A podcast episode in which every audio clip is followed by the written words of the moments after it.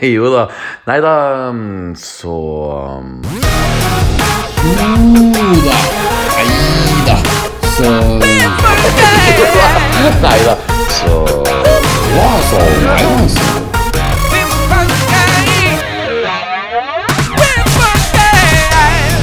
Jo da. Nei da, så Jo da. Nei da. Så Jo da. Mine damer og alle dere andre. Hjertelig velkommen til episode 24 av denne superpopulære Star Wars-podkasten. Jo da, nei da, så Vi har, tru det eller ei, faktisk over 1000 trofaste lyttere hver uke. But wait, there's more. Vår Yoda Neida så T-skjorte selger som aldri før via websiden godthall.no.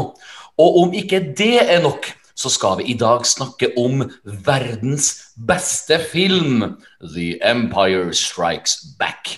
Som for øvrig inneholder flere kule scener som var spilt inn i verdens beste land, Norge. Landet hvor absolutt alt stenges ned, slik at vi kan holde på med podkast i ro og fred. Ja, ok, noe poet jeg ikke er.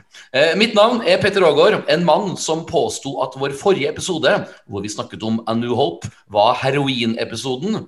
Hmm, da må jo kanskje dagens episode være selveste kokainepisoden. Jeg går rett på sak og spør min intergalactic partner in crime, Knut Løksen, hvilket narkotisk stoff klær denne filmen som vi skal snakke om i dag? Jeg elsker introduksjonene dine, Petter. Og jeg elsker Star Wars. Stormtrooperne, han Darth, Palpatine og mandalorisk kultur. Gjerne med skinnvest over beskaren. Spesielt så elsker jeg Empire Strikes Back, eller som jeg liker å kalle empirien slår tilbake. Ja. Men vi, vi- var jo enige om at eh, A New Hope er jo heroin-rusopplevelsen. Det, det vil aldri blitt så bra som første gang à la heroin. Men er da Empire Strikes Back kokainfilmen? Ja, Det var jo ganske mye snø, hvitt pulver i begynnelsen av filmen. altså Det kan man jo bokstavelig talt si. Uh, det, spørs jo om Carrie Fisher fant all den kokainen når den blandet seg med all snøen der. Men eh, bortsett fra det, da. Nei, men eh, Å, pokker, altså, det for en, jeg gleder meg. Det er for en film. altså. Det er, det er så mye å snakke om her at eh, ja, Ja, og vi, og vi har jo en gjest med oss i dag, og dagens gjest er en meget spennende fyr som er hatt gleden av å møte ved flere forskjellige Star Wars-anledninger. Både på diverse premiereshow, og ikke minst oppe på Finse, på denne kule lille Star Wars-festivalen Visit Hoth. Og vet dere hva? Han holder på å skrive en meget spennende bok om sistnevnte. Vi må nå komme i gang med denne podkasten for å snakke om både filmen og boka. Mine damer og herrer, ønsk velkommen til vår funky podkast, Martin Dahl! Be careful not to choke on your aspirations, Martin Dahl. Velkommen, Martin. Takk, sånn, Ja, det var introen sin, det. Eh, nå, nå, nå sitter du sikkert og tenker hva i all verden har jeg sagt ja til å være med på? Ja, men jeg syns uh, narkoanalogien var, var veldig interessant, Så det setter Ja. en bra, bra eh, føring for samtalen. Det her, da, det her blir kreativt. Ja, altså, jeg, jeg skal være så småfrekk. Eller først skal jeg si at eh, grunnen for at eh, vår podkast heter Yoda Neida så, det er jo så klart fordi at Yoda er jo et Star Wars-relatert ord, så vi snakker 90% om Star Wars. Men det kan hende at vi sklir ut og har 10% med eh, annen prat som jeg skal ha akkurat nå, for vi, du, du nevnte narkotika. Og jeg husker Sist gang vi møttes, så snakka vi jo litt om din musikksmak. For du er litt sånn inne i sånn eh, techno-trans-dance-verden.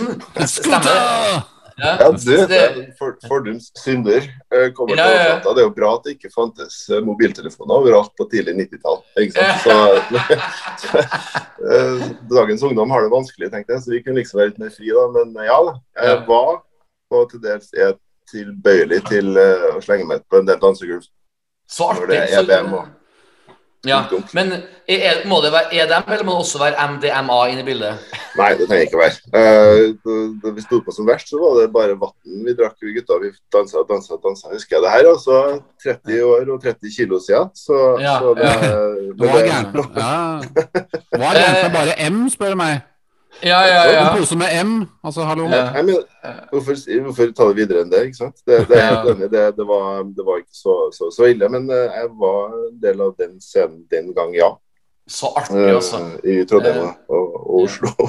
Det var tidligere. Ja, det var tider. Nei, grunnen for at jeg spør, vet du, som, du, som du kanskje ikke er klar over, Martin, er at både jeg og Knut vi jobber jo med musikk på heltid, så vi har alltid en liten sånn musikkrød tråd ofte i vår podkast. Og da liker Ja, vi å snakke om og vi liker å snakke med musikk med våre gjester. Men eh, en annen ting, apropos det, å- det å drikke vann til eh, den teknomusikken. Jeg husker de guttene på videregående skole på midten av 90-tallet som jeg gikk i klasse med, som elska tekno. De hadde alltid en flaske Urge med seg. Det var liksom teknobrusen var Urge. Det var det. Ja. Ja, ja. Det var bare utholdenheten. Så det, det, Ja, visst. ja. minnet står så var det, var det mest uh, vann og ren dansing. Den gangen det var såkalte house parties, som er Yes. en presten kalt rave parties av en eller annen grunn. Rave Og- og så, ja. da, så, så ble man jo familiefar og sånt etter hvert, og da Ja. ble det sjeldnere og sjeldnere. Så det, men mange gode minner, og eh, Man- jeg veldig bred musikksmak ellers også, så jeg kan sikkert bidra med både jazz og, Oi, oi, oi. og, og popreferanser hvis, eh, hvis ønskelig. Det er bra. Så da, da vet vi det, kjære lyttere. Det er lov til å legge Raven på hylla litt når man blir familiefar. Men eh, du, eh, altså jeg er jo veldig veldig spent for at um, du har, eh, ja, i, i all beskjedenhet, i likhet med meg, Martin, så har du en veldig herlig entusiasme for eh, nisjer. Og det er jo det ditt bokbudsjett egentlig handler om. For at, um, Uten at jeg skal legge ord i din munn, kan du fortelle Knut og meg, og ikke minst våre lyttere, litt om ditt uh, spennende Finse slash Hoth-bokprosjekt? Ja, uh, gjerne. Dette her er jo et sånt uh, labor of love som har eh, pågått i ja, det var fire år nå. Det er jeg var litt av og på. Jeg er jo eh, ikke en eh, profesjonell forfatter, ikke journalist. Har ikke skrive bakgrunn, annet enn at jeg liker, liker å skrive litt og, og, og har en interesse for språk. Og ikke minst så har jeg jo interesse for det å fortelle historier, da. Eh, og jeg ble jo ikke klar over at uh, Hoth-scenene ble, altså utendørsscenene og slaget ble, ble filma i Norge før jeg tror det var begynte på videregående, eller sånt, så, så ble man klar over det Mm. uh, for rundt 30 år siden. Og da, da la jeg meg det, det på minnet, og så leste jeg litt om det, men det var jo litt tilgjengelig informasjon rundt det. Mm. Og, og det, så gikk jo 90-tallet, og, og, og fremdeles så var det ikke så mye informasjon rundt akkurat den biten her. eh, For oss Star Wars-fans så, så kom jo internett for fullt, og det ble litt mer tilgjengelig. eh, Og så kom det nye filmer etter hvert, og da ble det her litt mer, kom litt mer til overflata. da, det med Mm.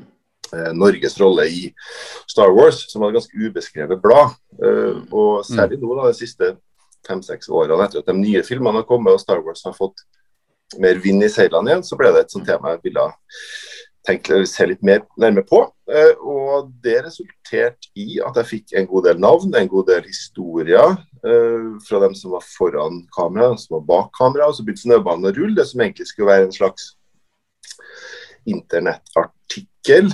Hoffsnøball? en Hoff-snøball? Ja. en gigantisk, gigantisk hoffsnøball som begynte å rulle. Og, og, og da fikk jeg virkelig eh, motivasjon til å øke, eller se litt dypere og bredere på hele greia. Og da den der den rulla såpass raskt at det ble eh, om ikke uhåndterbart, så ble det i hvert fall et veldig langsiktig prosjekt. For det her foregikk for 40 år siden. Det er mange som har gått, forlatt oss. Mm. Uh, og det er sånn som, så, så hva folk husker. Men det jeg ville gjøre, var å dokumentere hele prosessen. Og det vil si å Mm. få inn historier, få uh, bekrefta historier, få, få inn billedmateriale, få inn Mm. dokumenter, for det er jo en offisiell side, ikke sant. Ganske kjedelig.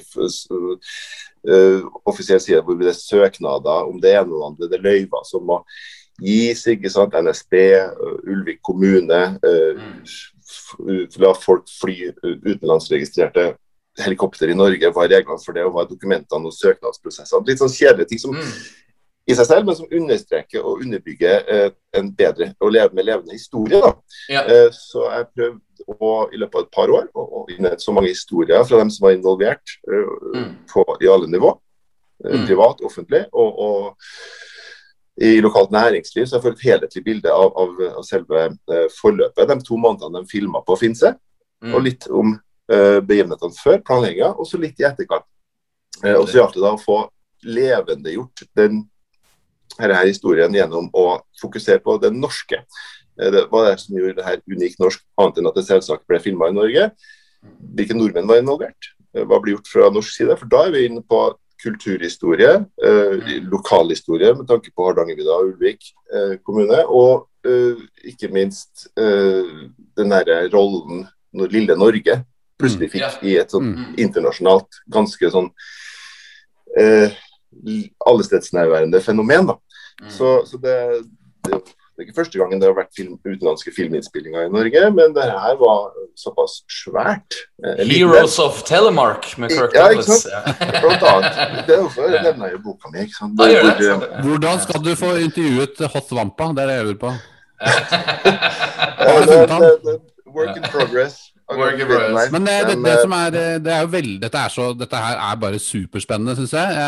Jeg, må, jeg må slenge på en liten eh, en trivia fra en kompis av meg som Han har nemlig Eller vi har en felles bekjent, da. Dette er en kompis av meg som er eh, fra way back til helt tilbake til barneskolen og ungdomsskolen. Og eh, denne felles bekjenten vi har, som jeg har ikke møtt han på en stund, men faren hans, han var med i eh, jeg har fått vite at han For jeg tok kontakt med han i går, da. For jeg kom på at det, det jeg hadde vagt i bakhodet om eh, en historie om faren hans var med i disse der Finse-opptakene. da. Og Så jeg spurte han om hva, hva det var han var med på, og så fikk jeg til svar at han var eh, altså i militæret, eh, og de ble spurt om å være mm, med på innspillingen på, oppe på Hoff der på Finse. Og han eh, var da de gikk i hvit, fikk eh, beskjed om å gå i hvite klær, så han skriver at de var, etter all sannsynlighet så var de altså snowtroopers, men det kan jo hende at de, for de som ikke har peiling på Star Wars, da, så kan jo det også bety hvite klær, det kan bety disse her Echo Base Trooperne, altså de eh, rebellene da. Eh, så det, det kan, jo, kan jeg jo ikke ta for god fisk nødvendigvis, men eh, mest sannsynlig så er det jo snowtroopers da, og han hadde sa at de støvlene han, og det har han tatt vare på. da, De veier 50 kilo, de støvlene som de soldatene brukte som de fikk utdelt fra Lucasfilm. Som han har fortsatt stående oppå, stående oppå hytta si. Eh, og faren hans Så de, de var der oppe og filma det her. Eh, og han, han har faktisk aldri sett filmen. Han sånn. Ja, det og er er fullstendig uinteressert. Men eh, det jeg syns er interessant, er at de var en sånn eh, militærbataljon oppi der og fikk beskjed om å bli med på dette her. Eh, han har jo sikkert masse mer trivia å komme med. Ja, det, det er genialt. Han må jo gi meg navnet på, for det, det her er typisk for hele prosjektet. For det kommer hele tida ny informasjon inn. Ja. Og, og dermed så skulle det her egentlig være en sånn levende artikkel mer enn en definitiv bok, for det er så Ja. mye eh, det, det er 40 år siden, så det er veldig eh, vanskelig å dokumentere hvem som gjorde hva til Ja. tid. Og Det var lokalbefolkning, det var folk som kom med toget ikke sant? Ja. Eh, bare for å, i gummistøvler, bare for å hørte at det Ja. var en filminnspilling. Mm. Uh, og, og, og så hører man OK, faren min eller kompiser ja, var i militæret med noen, eller noen som bodde oppe der. Massevis av historier som kommer, øh, til etter hvert, Mm. og som, som jeg må selvsagt få bekrefta og, og kanskje Mm. moderert litt, men som bidrar til et stadig større øh, og mer helhetlig bilde av hele prosessen. Så han der kompisen din han må jeg få navnet til, for han øh, kan Ja. helt sikkert bidra.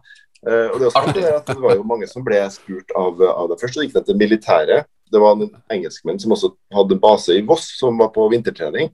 De, det var den første som ble spurt. Eh, for det var jo engelskmenn som ville gi regi osv. Så videre, så i, bak kamera, men de kunne ikke, for de skulle like før de dimma, så de for tilbake. Og så var det norske soldater som ble spurt, men der var det lite gehør, egentlig, for å gjøre Ja, det var vel- organisert. Så Bare det Røde Kors, var det? Som det var det med Røde Kors. Det var, Ja, ja. Eh, De gikk bare ut med en utlysning. De vurderte lokale speiderlag også. Eh, Men til slutt så bare sendte de ut en, en eh, notis i flere lokalaviser rundt eh, Hordaland og Buskerud. Og rundt ellers på Østlandet om vil du være med som statist på Finse. Og da fikk de ganske god respons. Og så var det en fyr som var i Drammen Røde Kors hjelpekorps som så den her og, og, og foreslo det for korpslederen sin. Kan ikke vi gjøre det her? Det er jo sikkert litt penger i det.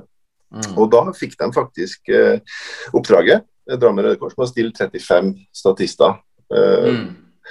Og i første omgang så var det Drammen Røde Kors, og så kom det noen fra Bergen i etterkant, da, i og med at det ble litt forsinkelser med vær, og så var det to ukene, de- eller en uke de skulle være der, de var ferdig, og så hadde de scener igjen. Da måtte de hente inn folk fra Bergen.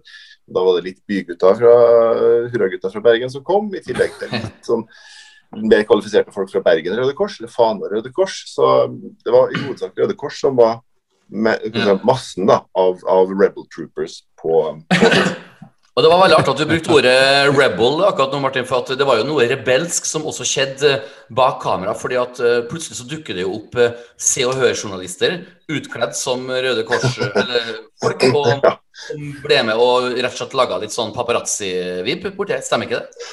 Riktig det. det Odd Johan Delvik og Arve Juritzen jobba jo i Se og Hør den gangen. Mm. Jeg leste at det er Ar Ja, unnskyld. Ja. Eller for all. Nei, jeg leste det at Arve Juritzen han, eh, han drev og snikfotograferte og snikhanket inn informasjon for Se og Hør, eller for et eller annet blad. Ja, eh, det var vel eh, Odd Johan Nelvik som fotograferte. Men det er, sant, det er 40 år siden de hadde sikkert etter to kamera eh, vel så det med seg. Og, og de var jo statister. Og Nelvik vises jo i filmen, faktisk. I, Ja. Rett bak uh, Ola Solum der. Når de sier 'come on', så er det bakgrunn, faktisk. så ett sekund, da. Uh, Så de, de ble også avslørt da, som, som um, Ja. som resulterte i at de ble hjemsendt tidligere enn de andre. Og det er litt dårlig stemning der, men de fikk jo det skupet, da. Det, det, sies. Har du, ja, an, ja. har du liksom full oversikt over antallet norske drepte Røde Kors-medarbeidere i Battle of Hot, liksom? Det Det, klippes, ikke sant. Det som de gjorde, de hadde jo begrensa med de, Et gammelt triks de bruker eh, da de spilte inn det her, det var begrensa antall folk foran kamera, og så bruker du forskjellige vinkler, og så gjenbruker du filmen Ja. eh, og materialet du har. eh, I ulike sammenhenger. Det ser ut som det er plutselig ti ganger så mange. Mm. Så eh, det, de fikk, men det som går igjen av historiene fra dem som var med som Rebel Troopers, var jo den der, ene var ventinga. Vente, vente, vente. Det er sånn typisk. Eh, og så er det eh, korte perioder med løping, hvor du da blir bedt om å legge deg ned eh, etter hvert. For det var jo sånne squibs rundt omkring som gikk av, små eksplosjoner som skulle illudere eh, lasertreff og sånt. Og så ramla du, så skulle du bare ligge. Det var det de eh, fikk beskjed om. Og av og til så måtte de jo bryte, avbryte filminnspillinga rett og slett fordi at det var noen som reiste seg opp igjen. Og det, så, det, det så ikke dramatisk nok ut, da. Zombie Rebels. eh, det er jo, det er også med Det er jo en artig liten historie jeg må dele. For at um, det er jo en, som sagt, en festival eh, i Finse som heter for Visit Hoth, hvor det, det flyes inn Star Wars-fans fra hele verden, som da sitter og hører på sånne paneldiskusjoner med representanter fra Lucasfilm og norske kamerafolk som, som var til stede da i 1979, når det her inns- innspillinga foregikk. Og der har jeg vært med vet du, og intervjua alle disse uh, gjestene. Og, og det er, var det én ting jeg la merke til, var det at, um, så var det at disse norske kameraguttene de likte eh, ikke Arve Juritzen og Nelvik. Den dag i dag, altså nesten 40 år senere, så satt de liksom og skua sint på dem. For de, de følte, seg, de følte at de for, Norge sin disiplin ikke sant, med å, som filmcrew. så de er den dag i dag, eh, 41 år senere, fortsatt sint liksom, på disse Sahøygutta. Og det kan jeg egentlig på en måte forstå, for de brøyt inn i deres uh, profesjonelle yrke. Så, men det er veldig artig at uh, noen ting Not, not forgiven, not forgotten. men, Ja, det er litt du, grudges der. ja, det er grudges. Martin, eh, en liten eh, annet spørsmål som eh, jeg lurer på om du har med i boka di. Og det er jo at når jeg da var på den der, eh, Visit Hoss-festivalen, så fikk jeg jo jeg ser masse flotte bilder fra innspillinga. Du vet Harrison Ford sitt, blir, blir henta i Oslo tatt toget inn og drikker whisky med kameracrew og sånne ting. Men det var én ting som jeg la merke til, og det var at selveste prinsesse Leia Carrie Fisher plutselig satt på det norske toget og var med til Finse. Og som vi alle vet, eh, eh, hun var jo ikke med på noen av de utendørsfilmscenene i Finse, men hun likevel valgte med å være med i de månedene eh, Harrison Ford og Mark Hamill var på settet for å spille. Så, så hun fløy til Norge i ens ærend da tydeligvis bare for å være sosial med sine skuespillerkollegaer. Ha, har du noe anelse hvorfor hun gjorde det? Det her var den første scenen som ble spilt inn eh, når de skulle i gang med Empire Strikes Back-filminga. Så selvsagt ville hun være med fra børjan uh, for å Mm. reconnecte med, med gjengen. Eh, Mm. Og Selv om det var iskald plass i, i Norge Ja. med null Hollywood-liv, liksom. Ja. Men hun var frisk dame, skjønner du, så Ja, ja. hun visste hva hun gjorde. Men hun var Ja. der hva, tre dager, da. Eh, oh, ja. og det var flere som, som hadde interaksjoner med hun i, i gangene og, og traff henne og sånt. Men for det meste så satt jo hun eh, på TV-rommet eller TV-stua på hotellet og så gamle Hollywood-filmer. Eh, Wow. Hun er jo Hollywood royalty, ikke sant? Mm, Eh, mm. Med tanke på foreldrene hennes og historien. Så hun eh, var jo veldig eh, ja, tilbakeholden. Hun hadde ikke så mye å gjøre der. Så hun var Ja, hun hadde jo strengt tatt Unnskyld, avbryt, hun hadde jo strengt tatt ingenting å gjøre. Ja. Nei, Eller, eller presse, der. som du sier. Hun var med på noen pressebilder i Oslo, husker jeg. Ja. Mm. De var med på den pressekonferansen eh, utenfor Hotell Skandinavia, eller i Skandinavia, Hotel Skandinavia i det var 1. mars. Og så gikk de utenfor for en sånn fotosession. Eh, det er masse bilder fra der eh, i avisene. Og så er det noen eh, små snutter sånn på, på Finse som, som Ja. de har filma. Lucasfilm har jo sluppet noen Ja. små snutter fra det også, så du ser jo Mm. Hun er jo bare der for å ha det litt moro. Og, Ja. og så får hun til Stockholm etterpå, tror jeg det var. Kan, kan det hende at eh, for, Hun har jo gitt ut noen bøker før, hun forlot vår verden, hvor at hun Mm. levde et um, utagerende liv akkurat på slutten på 70-tallet og tidlig 80-tallet. Ja. Kan det hende at når hun fikk høre at Harrison Ford og Mark Hamill skulle spille inn senere i Finse, så fikk, sa produsenten There's a lot of snow there! There's a lot of snow! Det gikk etter Ja, ja. Ja, godt mulig. Snow er jo altså et annet ord for kokain. Ja, Har dere, har dere sett Carrie Fisher roaster George Lucas? Mm. ja, ja. ja, ja. Rape Hun avslutter hele tiraden med liksom å si jeg Ja. håper jeg, altså Hun sier, henvender seg til George Lucas. Jeg håper jeg lå med deg, for hvis ikke, hvem i helvete var den fyren? Og det, var jo, det, det forteller meg jo litt om hva slags uh, liv hun levde. da Jeg tror nok hun var ganske Ja. Ja, det er veldig glad i Så det, i Carrie. ja. Ja, Kanskje ja, du finner en finsesoldat som eh, har vært liksom eh, Ja. Du, du, du skal vite da, Martin, at uh, det her er vår 24. episode, og du har så klart ikke hørt på alle Ja. om, om i hele tatt noen. Men, Har du? ja, men det, det går bra. Har du hørt på noen? Ja. Ah, ja, så artig. Nei, for Ja, vi, vi, er veldig, vi, er, vi er veldig flinke i å rose Carrie Fisher, og grunnen for at vi tør å tulle med henne, er for at hun våger å tulle med seg sjøl i sine Akkurat. bøker. Bare, Jep. bare så du vet det. Så vi har mm. stor respekt og kjærlighet for uh, den fantastiske Carrie Fisher. Og, apropos Ja. hun hadde visst en liten romanse med Harrison Ford uh, i 76, når hun har spilt inn A New Hope. Det er mange som eh, har ikke fått med seg. Visst eh, det, ja. Ja, du, ja, ja. ja. Vi skriver om det i bøkene også, så, Stemmer det. så Stemmer Og han Han- han også var- jo litt festglad, Harrison Ford også. Han drakk jo Han fikk jo kjeft på settet på American Graffiti, for han drakk for mye. Og så var det en fyr som Jeg lurer på om det var Gary Kurtz, jeg. For han Ja, ja, ja, jobba ja. på American Graffiti også. Han kom bort til Harrison Ford på settet og sa Nå må du gi deg, hvis ikke så får du fyken. Og da, etter den dagen, så var det helt eh, Så var det ikke Ja. mer drikking på dagen. Nei, det er riktig. det. Da gikk han over til uh, The Big Weed. Eh, og The Big Weed, ja. Han, røkt og røkt. Han gjorde det. Og, ja, ja, Ja. Carrie syns jo at hans preferanser var litt for sterk. Ja, Harstad. ja. uh, var litt mer som mildere eh, mellom saker. Men han, uh, han Harrison, han faktisk Ja. på Finse, så fikk han også utrolig nok inn en pakke med noe som kalles for Panama Red, som er en veldig sterk hasjtype. Der han satt da og på rommet sammen med en amerikansk student som også var i området på sånn eh, avslutning. Den var på sånn skitur. eh, som en sånn, fra, fra, fra USA, faktisk. Skulle gå på ski ei uke i Norge, som var den store premien på slutten av året. Mm. Og han ble da rekruttert som en stand. Han ligna litt på Mark Hamill, så filmfolkene eh, la merke til han og så spurte om han ville være en stand-in for Mm. Mark Hamill når han vasa rundt i snøen, når det ikke var nærbilder. Og det sa han Ja. det. Så han ble jo faktisk uh, iført uh, Mark Hamill sine klær og sendt Ah. ut i isødet når han drar og vaser etter at han har flykta fra Wampan. Altså en Ja. amerikansk uh, high school-student som, uh, som senere ble venn med, med i løpet av innspillinga ble venn med Harrison Ford, og da satt de og nøt et par bonger med Panama Red opp på, hotellrommet hans. Og så fikk han plutselig telefon om at nå var det en journalist her som skulle ha intervju med Harrison. Da, så det intervjuet var jo rimelig ja, interessant. Oh. Dette her er jo trafikkfarlig. Altså, jeg kjenner liksom eh, Vil vi ha en ultrastein Harrison Ford oppi sitt privatfly som flyr rundt oppi Kanskje, kanskje, det, kanskje derfor han har krasja to ganger. Ja, det er det jeg liksom ser for meg. Ja, det er gøy. det- Eh, eh, Han en annen- veldig- han veldig høy, da, kan man si. Ja, oh. Men en, en annen ting, Vi skal så klart komme videre i podkasten, men jeg må også si en annen ting angående Harrison Ford.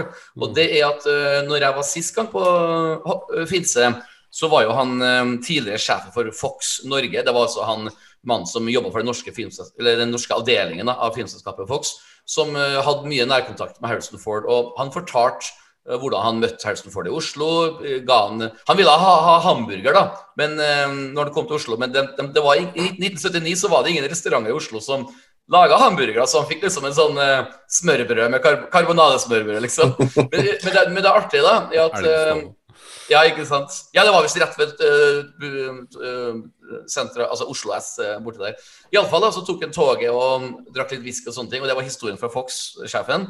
Men um, når Harrison Ford uh, bare for noen få år tilbake skulle gjenfortelle denne episoden her, så hadde han en helt annen versjon, og da sa han Fox-sjefen at uh, det, det, som også Martin refererte sa, det er utrolig hvor mye man kan glemme på 40 år og, og fortrenge ting. Og, og grunnen for at jeg nevner det nå, er for at jeg jobber nå for tiden med en bok som handler om et album som ble skrevet for 25 år siden. Og det er fascinerende når jeg snakker med musikere og produsenter bak det albumet, hvor mye de har glemt allerede. Og det er bare 25 år siden.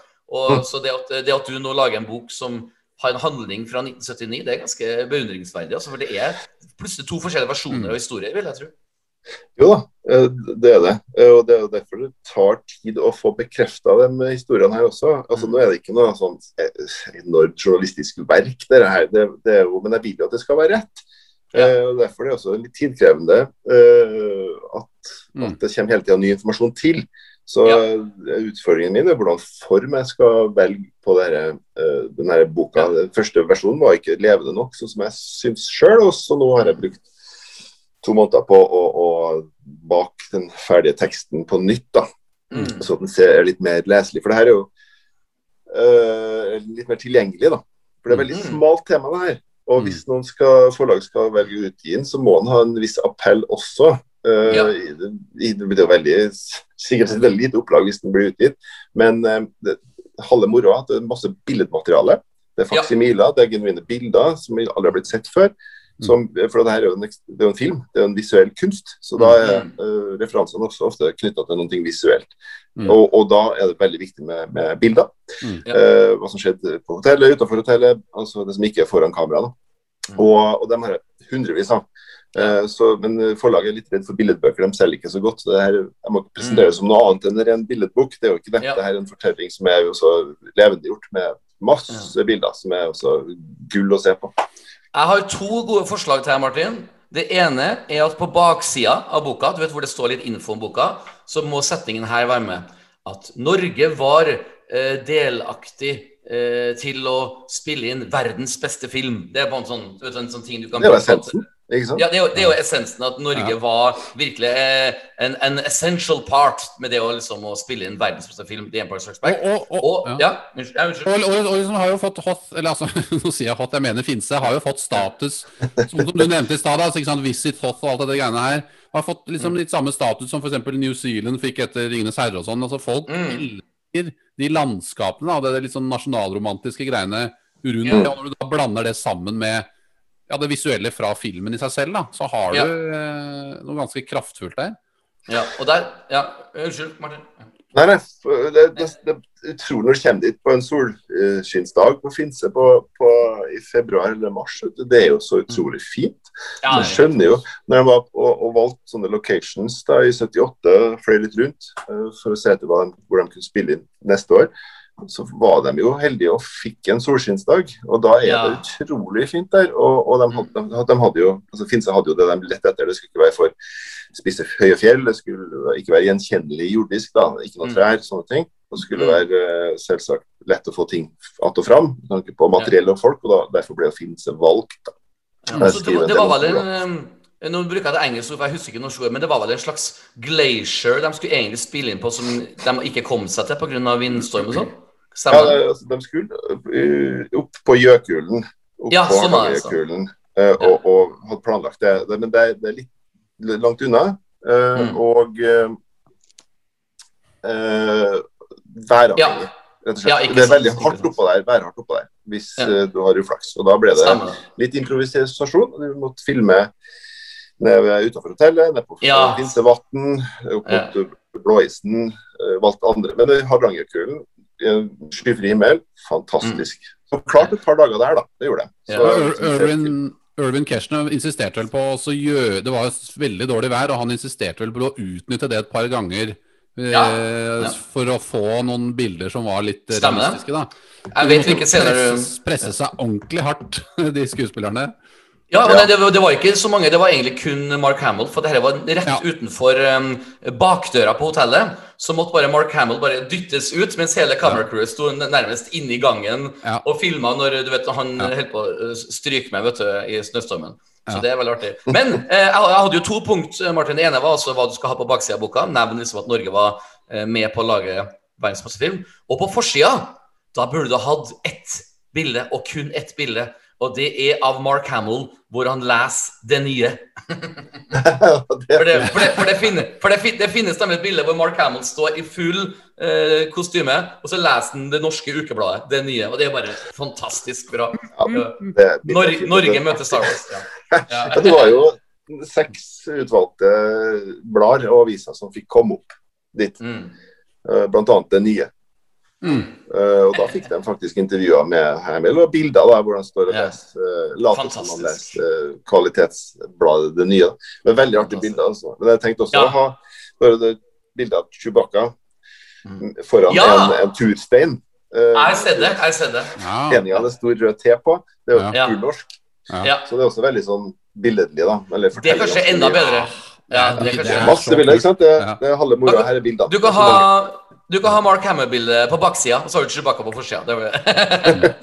Da, da, da, går folk inn på bokbutikker og ser de bildene og tenker ok, boka her må jeg så klart lese. Eh, En annen ting med deg, Martin, bare for å komme litt videre. Så boka di skal vi virkelig hjelpe deg til å pushe pro promomessig, slik at du skal få inn ut. Men du har jo også en annen artig lidenskap med Star Wars, for du har jo dukka opp på diverse premiereshow. Eh, Kan du fortelle oss litt om eh, hva din rolle var der? Eh, vel, den ene gangen jeg har det Mine liksom 15 minutter i, i, rampelyset, det var i 2002. Ja, korrekt. Da jobba jeg ved siden av studiene som, eh, som kontrollør på uh, Colosseum kino i Oslo. Mm. Mm. Uh, og det var 2002 som hadde, hadde dere uh, Attack Attack of the Clones. The Clowns. Riktig. Klovnene angriper, som vi kalte det på, på, på videoen. Send, send in the clowns. Ja. Vi hadde masse moro vi hadde med den biten Ja. der. Eh, og, og, og da var det et eventbyrå som fikk, eh, fikk ansvaret for å lage en sånn stor fanfare rundt eh, premieren. For å produsere er premierekinoen i Oslo. Eller var det i hvert fall. Og da Mm. eh, lurte de på om de trengte en sånn imperieoffiser som skulle, for de skulle ha noen stormtropper. da, Som Mm. eh, helt sånn ordentlig outfit så greier. sk- Ordentlig proft. Men jeg trengte en eh, imperieoffiser som så litt sånn morsk ut, som de sa. og sånn en viss høyde er jo ganske høy. Eh, til å ikle seg en, sånn eh, marineuniform, den blå der, Mm, -hmm. mm, eh, mm. og, og brøl noen ordre. For det var koreografi knytta til det her. Eh, Yes. Så da fikk jeg faktisk ja, Greit nok, det er ikke noe penger involvert, men det er jo morsomt. Det er Star Wars, hvorfor ikke? Så da fikk jeg Yes. sydd, eh, spesialsydd en sånn imperieoffiserdrakt. Ja. Eh, og, og så øvde vi inn eh, visse kommandoer hvor jeg skulle bosse her stormtropperne rundt. Jeg tror det var 20 stykker av dem som Ja. eh, kom inn og defilerte opp ned trappene. Og så utafor, der var presseombud Mm. og med masse sånn Empire March i bakgrunnen. Og, Squad Forward March, tror jeg var ja. replikk. Stemmer. Ja, jo, det var Nei, gru- gru- grunnen for at jeg vil at du skal si det her, skjønner du, for at eh, jeg jeg og Knut vi bruker ofte å ha en sånn en big reveal i hver podkast. Du vet sånn av og til Hvis vi, vi- hvis vi eksempel har, hvis vi for eksempel har Per Sundnes som gjest, så snak, snakker vi om den musikalen han er med i, og så plutselig spør jeg Vet du hvem pianisten er i den musikalen du er med i? Nei, det vet jeg ikke. Og så er det, er Knut Løksen! Det er altså. Altså, det er han Knut i podkasten her. Og, og Sondre har valgt flere av opp gjennom podkasten. Og nå har jeg en reveal. For den premiereshowet som du snakker om nå, vet du um, Husker du at Cantina-bandet var med? som, og spilte Ja. litt eh, ja. Ja, ja, Eh, ja. Han, han som styrte eh, det bandet og hadde regien der og var inni maska, det var meg! ja nå det- kjenner jeg deg igjen. Ja, ja, ja. Så jeg hadde på meg full Katina-outfit. og jeg fikk heller ikke betalt, men jeg fikk billett til eh, premieren på Attack on Clone, så det var, mer, det var mer enn bra nok. Jeg var fattig student i 2002, så å få gratisbillett på kino, det var verdt å Ja, det jobbe for. Ja. Ja, så jeg, jeg, husker på, jeg, husker på, jeg, kjem, jeg husker på jeg kjempegodt, Martin, og du gjorde en fenomenal jobb som eh, Admiral Officer, så det var ja, det er bra. Jeg hadde, jeg hadde eh, tre ord å si, så dem eh, pugga jeg dag og natt. og Det klarte klart. Ja, og tøff britisk aksent. I, I totally remember it. Ja, jeg hadde et par Eh, ekstra replikker, men det var gøyalt. Var gøyalt. Var Ja, gøy, var du en helt konkret offiser? Altså Var du liksom Captain Nida eller Piet? Nei, nei, nei, det var bare en generisk, Det var bare en generisk, eh, Mm. He was the techno admiral. Ja. Grand Moff Scooter? Bleika hår og under capsen, da. sa. Ikke sant. Du, eh, som du sikkert skjønner, vi har, har alltid en god intro på hver prat. Vi skal også kort snakke om filmen Empire Strikes Back. Det blir jo veldig gøy å prate om, for det er jo ikke så veldig mye negativt å snakke om den. Det blir bare ros. Men før vi skal begynne å snakke om eh, filmen, så må jeg spørre deg, Martin. Hvordan oppdaga du Star Wars? Jo, det der har jeg gått mange runder med meg sjøl på, for det er jo en stund siden her også. Så er jo født i 73.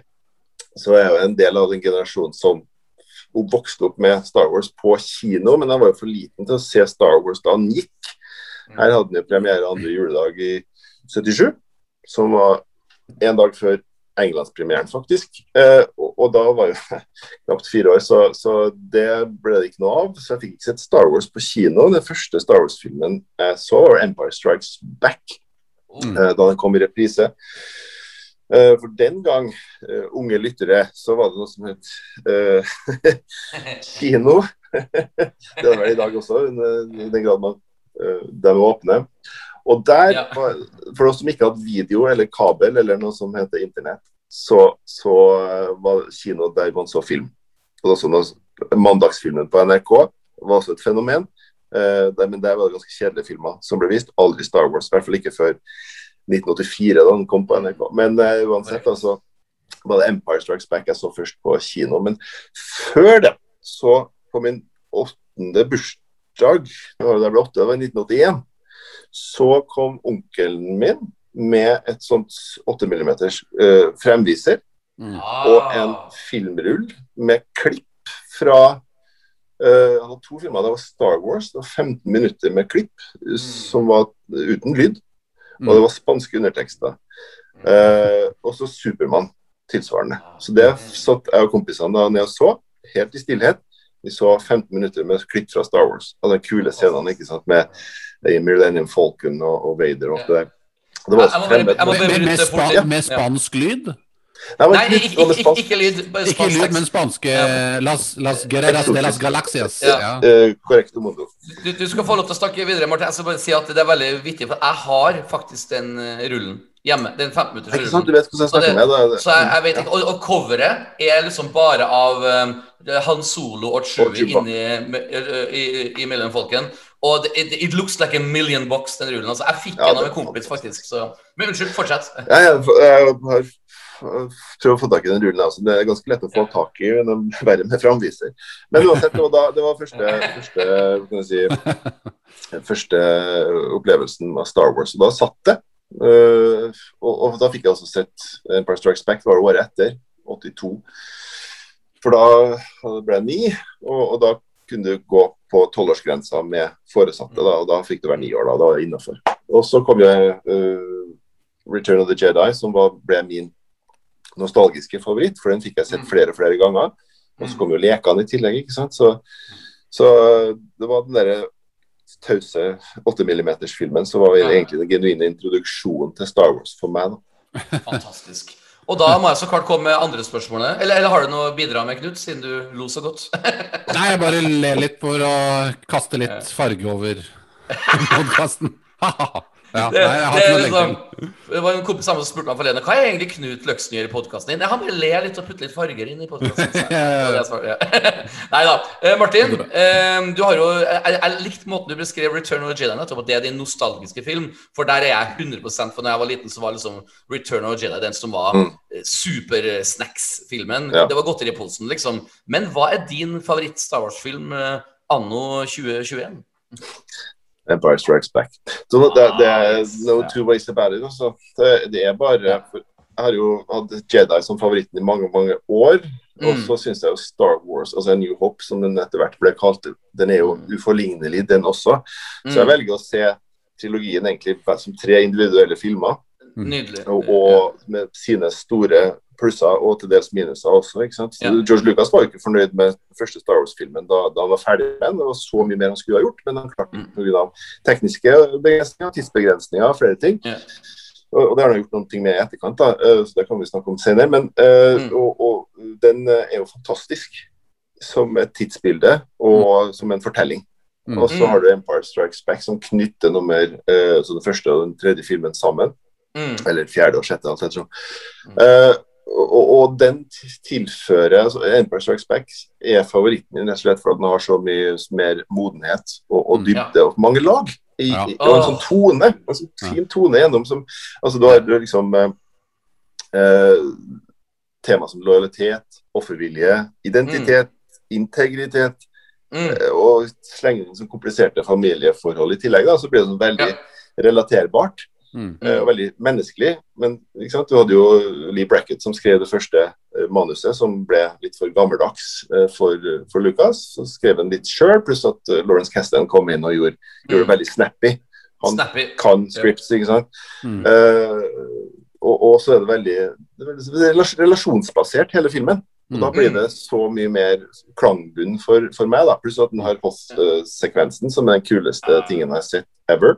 Ja, ja, ja. ja. Og som holder seg, holder seg så fi, morsomt Det holder seg så bra fortsatt, det er veldig altså Man ser jo at det er gammel teknologi, men det, det, er, det er noe med, med stagingen der, og når de kommer, de walkerne og det, det, det er så mye altså Man blir også imponert over hva de fikk til den gangen. Det er også et element inni det for meg òg. At jeg Ja. ser disse herre hvordan de animerte disse walkerne for eksempel, da, med stop motion. Det er så sjarmerende og imponerende på samme tid. og det, det, Bare det i seg selv gjør at jeg sitter og humrer av den Mm. scenen. Liksom. Eh, I tillegg til mange andre ting, selvfølgelig. Jeg syns den scenen var genuint skummel, faktisk, på, på kino den gangen da. Og jeg får fremdeles en sånn sug i magen når jeg ser den, for den er så, så bra og så fartsfylt. Og så skummel og så alt. Det, det, det, eh, altså, vi skal jo så klart snakke enda mer i detaljer om filmen etterpå, men jeg, jeg må bare bli med i samtalen likevel og si at eh, det som fascinerer meg med Empire Strikes Back, når jeg ser den, er at det er ikke én eneste kjedelig scene i filmen. Altså alt, Hver gang det blir en sånn, en, eh, sånn hva heter man, en sånn video sånn slide, eller hva man kaller det for, så, og ny scene starter, så er det alt Tapp, wipe, takk, wipe. uh, og screen wipe. Og, og da, for det som er Poenget med at jeg sier det, er at uh, jeg har jo så klart DVD-en hvor du får se eh, deleted scenes, scener som ikke ble med. Og mm. Da tenker jeg alltid å, den burde vært med, og den burde vært med. Men i Empire Strikes Back så er jeg så glad for at de deleted scenes ikke ble med. Du har f.eks. at Wampaen dukker opp eh, inne i, i basen i Hoth og sånne ting. Ja, ja. Og det er så genialt smart at de ikke tok det med. Du vet, sånn, jeg, jeg berømmer det, George Lucas i Edit Room og Irvin Kushner at de har tok bort disse cheesy tingene. For det, det, er ganske, det, det er også en kunstform å ta bort ting. Ja. Og det, er jo egentlig det som gjør Empire Strikes fascinerende, at det er ikke noe dødtid. Det, ja, Det er også en del av hvorfor de la uh, filminnspillinga til Finse, eller i hvert fall utendørs. at Snø ser ikke ekte ut hvis det er i studio. mm, Uh, og Da skjønte de at ok, vi vil ikke ha den looken på filmen. Vi må Mm. utendørs. ja. Derav etter hvert Finse. Og det er jo liksom eh, Det er jo veldig change of scenery. Det, det er jo veldig forfriskende når du har vært på New Hope, mye ørken og mye sånne Mm. ting. Så, er det, så slår jo filmen deg rett i bakken med vinterscener. ja. Det er egentlig det er ekstremt effektfullt, for du forventer ikke at det er det som kommer til å skje. Så når første gang jeg så Nei. Empire Strikes Back, så var det wow! Og det, og det er også en annen ting som Empire Vi kommer jo selvfølgelig tilbake til det, men det er en annen ting som Empire Strikes også Back gjør veldig bra. Du er på så mange forskjellige plasser også, i tillegg til alt det andre som foregår. Ja, Ja. og alle plassene er spennende. altså Bespin, altså Cloud City, er Ja. en helt annen eh, collage, eller hva man kaller det for. Og så har du så klart eh, Dagobah, som for øvrig er spilt inn innendørs i Ja. Pinewood Studios, men det ser ut som det er utendørs. Og det er kanskje en av de bedre eh, innendørsscener som skal være utendørsscener som jeg noensinne har sett. For du Ja. føler virkelig at du er i en eh, sumpmyr, liksom. Med all den Ja, tåka og sånne ting. Ja. Og ikke en meter green screen heller. Nei. Nei, nei, virkelig. Hele også. greia er jo bygd som et platå, sånn at han, der han, Ja. han, pup, han puppeteeren som styrer Frank Yoda Oz. Frank Oz. Ja, han er jo da under Altså det er et sånn ekstra lag under gulvet der hvor han går rundt sånn at når Yoda De klarte jo på en måte få til at han Det ser ut som han går ikke sant, bortover det, og det er nettopp fordi Ja. de har bygd et sånt platå. Og det er så smart. Det er bare ikke Ja. Så ser jo hele greia så stort ut. Det er jo mye mindre enn det man skulle tro, det studioet, ikke sant, men de bare filmer det fra masse forskjellige vinkler og bruker ja. Så den er, den er veldig smart. Ja. Og, tenk på bare på hvor hvilken sjanse de tok på å, å ha Yoda, som er It's a frigging muppet. It's a muppet. Så, ikke sant? Hvis Miss Piggy sin stemme. Ja, det er Miss Peggy. Ja. Ja. Ikke sant? Men Ja. hvilket leap of faith er ikke det? Og, og, Ja. og gi dere Så tar du Jim Henson, som er en av mine store idoler fra gammelt av, som også understreker hvorfor jeg er så glad i Star Wars. Og, og fordi kombinasjonen av Muppet Show og Ja. Star Wars er jo uslåelig. ja, Ja. er Men at la hele filmens troverdighet eh, snu rundt den her aksen som, som Yoda er, da. Eller Mm. kanskje kunne bli, og som han faktisk ble. Hvis det ikke er troverdig, så smuldrer jo egentlig grunnkonseptet for hele, hele fortellingen i Empire Strikes Back Ja. Og, og, og, og nå, Martin, nå kommer du inn på et veldig veldig spennende tema som jeg glemte å prate om etterpå. Det er jo at uh, For meg, av akkurat den grunn som du nettopp forklarte, så er jo egentlig Yoda fra Empire Strikes Back min favorittkarakter gjennom uh, filmhistorien. Fordi at they actually pulled it off. Og det er jo en kunstform som jeg kan sikkert snakke om i timevis. Men mitt spørsmål til deg er jo hva er din favorittkarakter i hele Star Wars-universet? Det har egentlig alltid vært uh, Luke. Mm. Mm. Enkelt og greit. Eh, det er veldig mange kule Boba er jo tøff, men Mm. og, og Vader er også veldig fascinerende, altså, for han er jo den tragiske helten. Mm. Uh, men Lukes historie fra idiotisk bondegutt ute i Mm, ørkenen mm. til jediridder, er, den Mm. er så godt fortalt, og jeg syns at. Mm. Mark Hamill gjør en så god rolle. Ja, den arken der. Mark Mm. Hamill gjør en så god rolle gjennom hele trilogien. Mm. Mm. eh, at jeg ble helt solgt. Jeg og så identifiserte meg med henne. ikke sant? Jeg ville være som han og gjøre de samme Mm. valgene. eh, og, og, og ende opp som moralsk eh, bedre enn som du starta. Som da i tillegg så ja. Han går fra på en måte veldig sjarmerende i A New Hope, sjarmerende og, og, og naiv på en måte, til du har ja, sutre bondegutt der. Power converter! Power converter, master evaporators. Er Og så går han til eh, liksom den mektige jederidderen i, eh, i eh, episode seks, liksom, som eh, Men, men, men ikke bare mektig jederidder Hvis dere virkelig overanalyserer Return of Jedi, så har han noe dark Sith going. For han, han, Ja. han, han choker jo de grønne grisene. Og, Ja. altså, han, han er ganske dark Jedi, altså. Ja. Ja, det er jo et spesifikt valg de tok, Ja. å å Mm. kle opp i sort. Og Ja, kom ja. inn uh, i Jabbas Yes. Palace da, helt Yes. uh, aggressiv. da, Bruke forcen liksom ikke bare defensivt. Så det var også spennende. korrekt. Som de, også hadde tenkt å gjøre med, som de også hadde tenkt å gjøre med Ray i sequel-trilogien. Hadde også tenkt å kle i Colin Trevorrows originale manus. Så har jo hun Ja. på seg sånne svarte, mørke klær. Ja. det har vært tøft. Jeg, jeg, jeg vil gå så langt å si at karakteren Luke er i Return of Jedi, altså med den svarte klærne, det var liksom min favorittlekefigur da jeg var liten, og det er også min favorittversjon av Luke. Så da, da unødvendig å si, når da Luke i den eh, kostymen dukka opp da i The Mandalorian og kick som ass, da ble jeg veldig rørt. Jeg vet ikke om du ble rørt, Martin, når du så Return of Luke? Jeg har ikke sett Mandalorian. Oh! Ikke si det til noen. Oh, Ok, eh, spoiler! Ja, jeg synes det. Eh, da beklager jeg at jeg kom med en spoiler, men du har kanskje hørt om det? At Luke dukker Ja da. Nei, du har men det sett, du har mus- sett. Mm. Jeg misunner deg, for du kan binge hele to sesonger nå med det der. Det Ah, Ja, de skryter den serien opp i, i skyene. Det er bra. For jeg har jo Nå blottlegger jeg meg sikkert som Jeg vil ikke framstå som en sånn eh, alt var bedre før-fyr heller, men etter at prequelsene kom, så, så mista jeg litt troa på at Star Wars kunne gjøres bedre enn Mm. eh, eller gjenoppleves. Uh, Ja, da, da, blir, da, vil bli pos, da vil du bli positivt overraska med Mandalorian, for det er en veldig sånn en retro Eller retro, er det et rett ord? Det var i hvert fall veldig sånn vintage Star Wars som kommer tilbake. Ja, jeg det. Så det, det veldig det hyllest til original. Ja, veldig fokusert på og basert på originaltrilogien. Er, er du ikke enig, Knut? No, det er kjem- jeg er helt enig, men de, klarer, de har jo skapt mange nye karakterer, og du har gjensyn med noen gamle. Men eksempel, uten å spoile noe, du har, ting fra, du har en rase fra Empire Strikes Back som har en, en, ganske, en ganske viktig rolle i sesong én, eksempel. En sånn en Ugnaught, spilt av Nick Nolte. Ikke sant? Ja. Det er jo, bare- de er jo bare i bakgrunnen i Bespin på Bespin der. Ikke Ja. sant? Så har de bare tatt en sånn alien og gjort det til en, en interessant karakter som det Ja. Ja, med Nick Nolty-stemme. You're a Mandalorian! You're the great Mythosaur! I have spoken. Ja, det, det, det er bare å glede seg, Martin. Det er bare å glede seg. Men du, Nei, det- eh, har du noe favorittsitat fra Star Wars-universet? Eh, jo, ja, ja, favorittsitat, jeg kan framlegge et helt manus som et eneste Mm. favorittsitat. Eh, men men eh,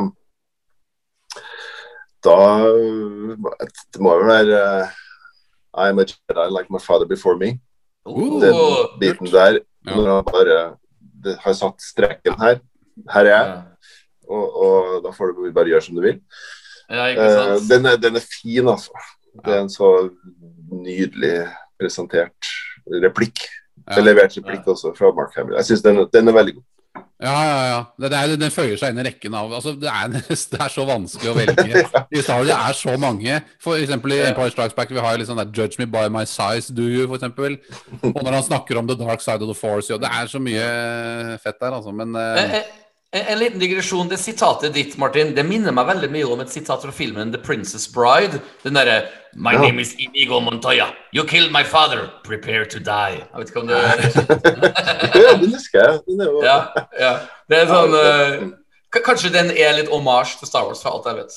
Men, men du, du har jo ikke sett The Mandalorian, men det er som du sikkert har fått med det skal komme mye TV-serier framover. Eh, Cassian Andor, Obi-Wan, Bobafett, Lando osv. Mm. Er det noen eh, av dem som du har hørt om som du gleder deg eh, mer til enn andre? Foreløpig er jeg veldig avventende. Så, Ja. så det, det jeg fant ut da eh, gjennom å se prequels og, og reflektere litt rundt mine egne forventninger til Star Wars framover, var jo at du- Be careful what you wish for. Ikke sant? Mm. Uh, you might get it. det er You might get herpes. Det er også, hvis du er i masse Angeles i kantina for lenge, sikkert. Men det var, det, det var så mye mystikk rundt de første tre filmene. Og du lurte hele tida på hva, ok, hva var historien hans. Hvem er det? Hva, Ja. altså, Ponda Baba og Dr. Eva han, hva, hva for tid med det? Det var underlige greier. har tatt på. Ja, ikke sant? de, ja, ja. Ja, I bakgrunnen, eller store ting som, Yo- eh, som Obi-Wan. Hva, hva, hva er hans historie, egentlig? Uh, og, og, og da tenkte jeg ok, kanskje senere så får vi historien deres. Det blir spennende. Og så blir den historien fortalt da, i et eller annet medium. Og så Mm. kanskje den ikke er Ja. det du hadde venta deg, eller kanskje den er fortalt på en litt annen måte enn du er fortrolig med. Eh, Mm. Så det kan være liksom, brutte forventninger der, men det spørs jo. Noen syns det er fantastisk uansett når det gjelder backstory, men når det gjelder Ja. Star Wars, så var det den bøkene som kom på tidlig 90-tall Mm. av, eh, av Throne-trilogien. og Ja, Timothy Zahn. Ja. Riktig. Og så kom det også sånne egne sånne omnibusbøker med forskjellige historier. Uh, Tales from the Mos Eisley Cantina, Tales of the Bounty Hunters, Tales from Jabba's Palace. Som Mm. lot meg spille ut filmen i mitt eget hode, sånn som bøker Ja. gjerne gjør. Og Det Mm. var jeg mer fortrolig med enn å få presentert det som en definitiv versjon visuelt på skjermen. Her er det. Uh, så Jeg Eh, syns ja. du har et nydelig svar, altså, Martin. Du, eh, all respekt for at du har så klar mening. For at eh, Ja, folk flest som er intervjuet Ja, for, for folk flest ved intervjuet er bare sånn I'll take it all! I'll take it all! Så at du, du er litt sånn eh, litt mer reflektert, kan man si. På det Ja, jeg stiller meg mellom eh, reflektert og surpomp i kategorien Ja. der, da. Så, så men Jeg, men det- det er ja. Nei, men det, det, sånn er det. ja. Man, man, man, Star Wars er jo, den appellerer jo til å Eller genererer mye fantasi, ikke sant? spesielt når du er kanskje mindre og barn og sånn. og Da, da vil du jo skape deg masse ting oppi hodet, og da er det, det er sjansen også større for at det ting faller igjennom og ikke blir sånn som man selv hadde tenkt Ja. at det skulle bli. da. Så det er nok lurt å dempe litt forventningene, kan det være. I hvert fall i forhold til at ting skal bli akkurat sånn som man selv tenker det. Men jeg vil jo si det at Ja. Mandalorian, Mandalorian, Mandalorian gjør på en måte i hvert fall en bedre jobb enn mm. en sequels og prequels i forhold til det å, å bekrefte litt hvordan du tenker hvordan jeg tror de fleste da, tenker om Star Wars. Det, er, du, du, det, blir, det blir jo aldri perfekt, men uh, Nei, det blir det ikke. Så det som jeg syns er litt sånn uh, Som en side note også, det er litt trist at det er blitt så politisert og, og så, så veldig Mm. sånn Ja. uh, Det er mi, min oppfatning som gjelder, og du kan ikke like den der filmen Ja. og være Star Wars-fan samtidig. Mm. Så jeg tar heller det, den tilnærminga at alle får skape sin Star Wars mm, Mm. og sin fandom. Noen liker Mm. å kle seg ut og gå på conventions og syns det er Star Wars for dem. Mm. noen ser prequelsene på repeat og syns det er himmelsk. Mm. Og, og noen elsker nye filmer. Men, men selv om man ikke, ikke nødvendigvis er enig om hva som er det positive eller negative sidene ved de ulike Ja. sidene til filmene og produktene, så er det jo opp til hver enkelt egentlig hva Ja. man velger å nyte av Star Wars. Det defineres Ja. som god Star Wars for seg. da. mm, mm. Ja, akkurat, akkurat nå, Martin, så traff du, eh, akkurat nå, Martin, så traff du essensen av hva vår podkast handler om. Altså jeg og Knut med Yoda Night også. Vi elsker å ha gjester som har andre syn enn Mm. det Jeg, jeg og Knut er relativt enige om det meste, men det er egentlig bare tilfeldig. Men for eksempel, bare for noen uker siden så hadde vi en gjest som mente at eh, den beste Star Wars-filmen var 'Revenge of the Sith'. Og da ble det en artig diskusjon og prat om Mm. akkurat det. Og, så, og, og, det og, og Poenget mitt er at eh, når man ser på sånne forum på nettet hvor folk krangler, så er det litt sånn eh, Det gir litt sånn avsmak på hele greia. Men vi merker at når vi får dem eh, i prat på en podkast, så blir det mye mye mer forståelse for, for begge sider. Og det blir rett og slett litt mer sånn tør jeg si det, diplomatisk. Det blir mer sånn sofistikert prat. Så at, og det, det, jeg, tror det, jeg, tror, jeg tror det er derfor podkast har plutselig blomstra noe vanvittig de siste par årene. At folk vil heller høre på podkast enn å bitche på en YouTube-comment, liksom. For at eh, det er koseligere å prate med folk enn å bare skrive, tror jeg. Det er stort sett Helt det. enig. Ja. Hvis alle diskusjonstråder i, og kommentarfelt i alle mulige aviser og Star Wars geekesider hadde vært en podkast, så tror jeg verden hadde vært litt fred, eh, fredeligere. Ja, men eh, nå, Martin, nå tror du, vet du, stakkars, at vi skal snakke om filmen Empire Strikes Back. Men vi skal ikke gjøre det helt ennå, for det du ikke er klar over eh, Nå vet jeg ikke hvor langt inne i podkaster-episoder av oss du har hørt før, men nå skal vi nemlig ha en liten personlighetstest på deg som du ikke er forberedt på. Og vær så god, Knut, eh, play the music. And now we will play the Yoda Nada So quiz. Og ikke vær redd, Martin. Det er ingen svar som er feil, bortsett fra noen. Det er altså Jeg skal komme med to ord, og du skal si det ordet du liker best. Det er så enkel eh, quiz. Er du klar, Martin? Kjør på. Martin. Pinnekjøtt eller ribbe? Pinnekjøtt. Pepsi eller Coca-Cola? Coca-Cola. Star Wars eller Ringenes herre? Star Wars. Batman eller Superman? Superman. Han Solo eller Indiana Jones? Han Solo. Oi, du var kjapp. du var kjapp. Eh, Folk, folk bruker å nøle. Du har, jeg glemte å si, du har lov til å begrunne eh, og med et forlenga svar hvis du føler en, en tvang. eh, Det et er behov for Ja, det. ok. Ja, bare sånn så, eh, hvis det er noen som er, er vanskelig. Ok, eh, Neste er et musikkspørsmål. The Police eller Sting? Sting. Mm. Bård og Harald eller Thomas og Harald? Båre Harald. Bra.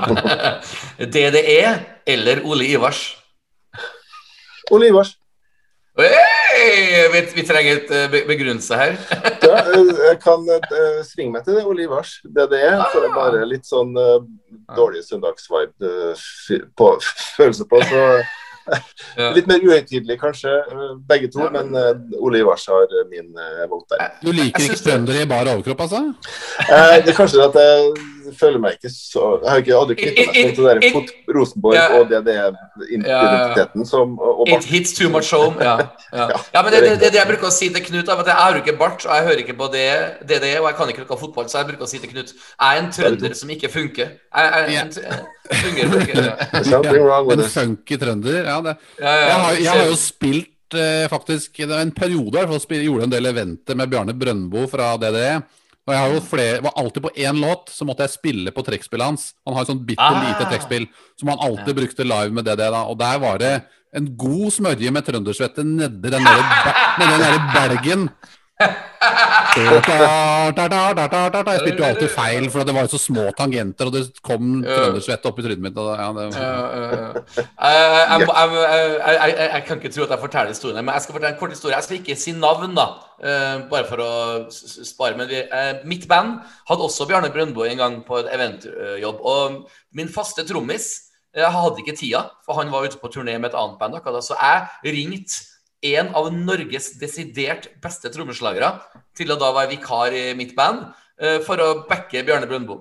Og Bjarne Brøndbo under lydsjekken ble så provosert og forbanna på den trommisen, for han spilte alt feil, mente. Og jeg står bare ved siden av og måper. bare så, Herregud, står virkelig Bjarne Brøndbo nå og kjefter på Norges beste trommis fordi at det ikke svinger? Jeg bare This is so real!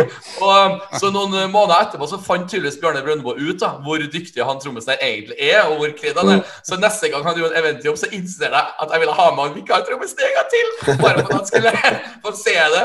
Og da var litt mer spak enn Bjarne Brøndbo Du hadde skjønt egentlig hvilken respektert trommis han hadde kjefta på noen måneder tidligere. Men jeg skal ikke si navnet, men dere kan sikkert. Jeg har, jeg har også en trommis som var vikar med Bjarne Brøndbo. Som ikke, han hadde ikke lært seg sluttene på noen av låtene. Så all, og det er, det er jo på en måte det er jo ikke musikk som har veldig avanserte slutter. De slutter jo stort sett på eneren, eller det er noen vanlige rockeslutter, liksom. Men det var Mm. alltid Og så var det noe trommeskrammel som, som liksom raste sammen på slutten. Ah, Kasserollene bare. Ja, ja, ja. Jeg skal ikke nevne men- navn, men uh, han er en jævla bra trommis. Ja. Ikke sant. Ja, men vi respekterer litt Ole Ivars uh, svar. Uh, vi har et musikkspørsmål, et, et musikkspørsmål til, som eh, kanskje kler deg siden du er et barn av 80-tallet. Eller iallfall ungdom av 80-tallet. Eh, Michael Jackson eller Prince? Her er Michael Jackson. Sorry, Petter. Nei, det, det går bra. folk bruker å si det. Sorry, Petter. bruker å si det med. Jeg, jeg er naiv med å tenke at jeg vet folk at jeg liker Prince. Eh, Hvordan vet folk det, tenker jeg. Men tydeligvis så beklager folk til meg personlig pga. på grunn av det der. Eh, Neste spørsmål blir spennende. Prequel-trilogi eller sequel-trilogi? Prequel. Ja, ja, bra, bra. Um, og så har vi da um, PC eller Mac? PC. Åh, PC, ja. endelig en som du, du, du, du, Endelig en ordentlig type her. Ja. Fornuften fanget, Ja. Neste spørsmål. eh, Kims eller Mårud? Mårud. Oi, oi, oi. Jeg må, eh, jeg må ha en liten digresjon. En av våre tidligere gjester, eh, Knut Anders, Anders Sørum, du vet han som vant uh, Stjernekamp, han, han er stor Star Wars-fan, han sendte meg en melding i går, og jeg skal lese nå den meldinga høyt opp. Dette, dette handler altså om Kims eller Mårud-spørsmålet. Eh, han sier her nå vi, vi hadde en gjest som het Christian forrige uke, og nå skriver altså Knut til meg, og jeg leser høyt. Jeg har hørt på podden, og jeg synes at Christian skal gi Kim Salt og Pepper en ny sjanse. Jeg har nemlig inside informasjon fra produksjonen, siden jeg kommer fra Skreia og i tillegg er evig fans av Kims, at eh, mine 20 ekstra kilo er kun potetgull. Den smaker bedre nå, den nye versjonen. Dette ble også en ganske stor katastrofe i livet mitt. Den gamle gode og salt og pepper ble byttet ut med dobbelt pepret og dobbelt saltet. Den smakte virkelig ikke like godt som den originale. Jeg, burde også, jeg, vurderte, jeg vurderte også å sende brev. Jeg har derimot øh, truffet folk fra produksjonen, langt ned i flaska på fest selvfølgelig, og de har avslørt at de har blitt tvika og justert på smaken mange ganger siden den gangen. Jeg kom med mine innspill selvfølgelig, og føler at de ble hørt. For nå vil jeg si at den har blitt så bra at den er tilbake på tronen som intet mindre enn det aller beste spiselige produktet som er masseprodusert på verdensbasis gjennom hele verdens historie. Det, det tok han seg tid til å skrive til deg i går. Ja. så da, så da er du svarte feil, du da. Du, du sa Mårud, sa du ikke det? Ja, så ut. Ja, da, da, det var feil. Det var Ja, Kim som takk. sa Nei, Jeg er enig. Jeg syns det var det beste. OK. um, siste spørsmål. Beatles eller Rolling Stones? Beatles. Ja du, Hoppmann, jeg vet du. Ja, ja. Knut, skal du spille Du har glemt den. Du har jo glemt den. Eh, du, Da kan du stille den siste. Ja, det er jo da Hvem ville du gifte deg med? Eh, Ja. Padmay eller Leia? Da snakker vi om, da snakker vi om eh, altså karakteren og ikke personen, for det blir jo for lett. Ja. Ja. Ingen orker å være sammen. Ingen orker Carrie Fisher. Nei, du, da tar vi eh, Padmay, tenker jeg. Ja. Ja, ja. ja. Hun er, hun er jo veldig flott. Ja. Jeg har alltid vært uh, glad i Natalie Portman, da, men du ser jo karakteren og ikke skuespilleren, så Ja, den flyter litt i hverandre. Ja. Ja. Eh, Fantastisk skuespiller, og og også fantastisk person, virker som. For å si det ut. Smart, og vet du, så det er Smart. en mektig kombinasjon. Åh, Gud. Mm. I, I, I- I actually found one of those. Beautiful and smart. Ja. Og da, I never look Veldig. back. Eh, er ja. Eh, da kan du ta slutten, Knut. ja.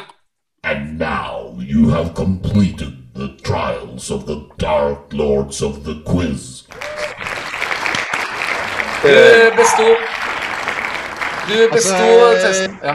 Du liker jo Windows og Cola. Det er det jo ingen som har uh, gjort enda.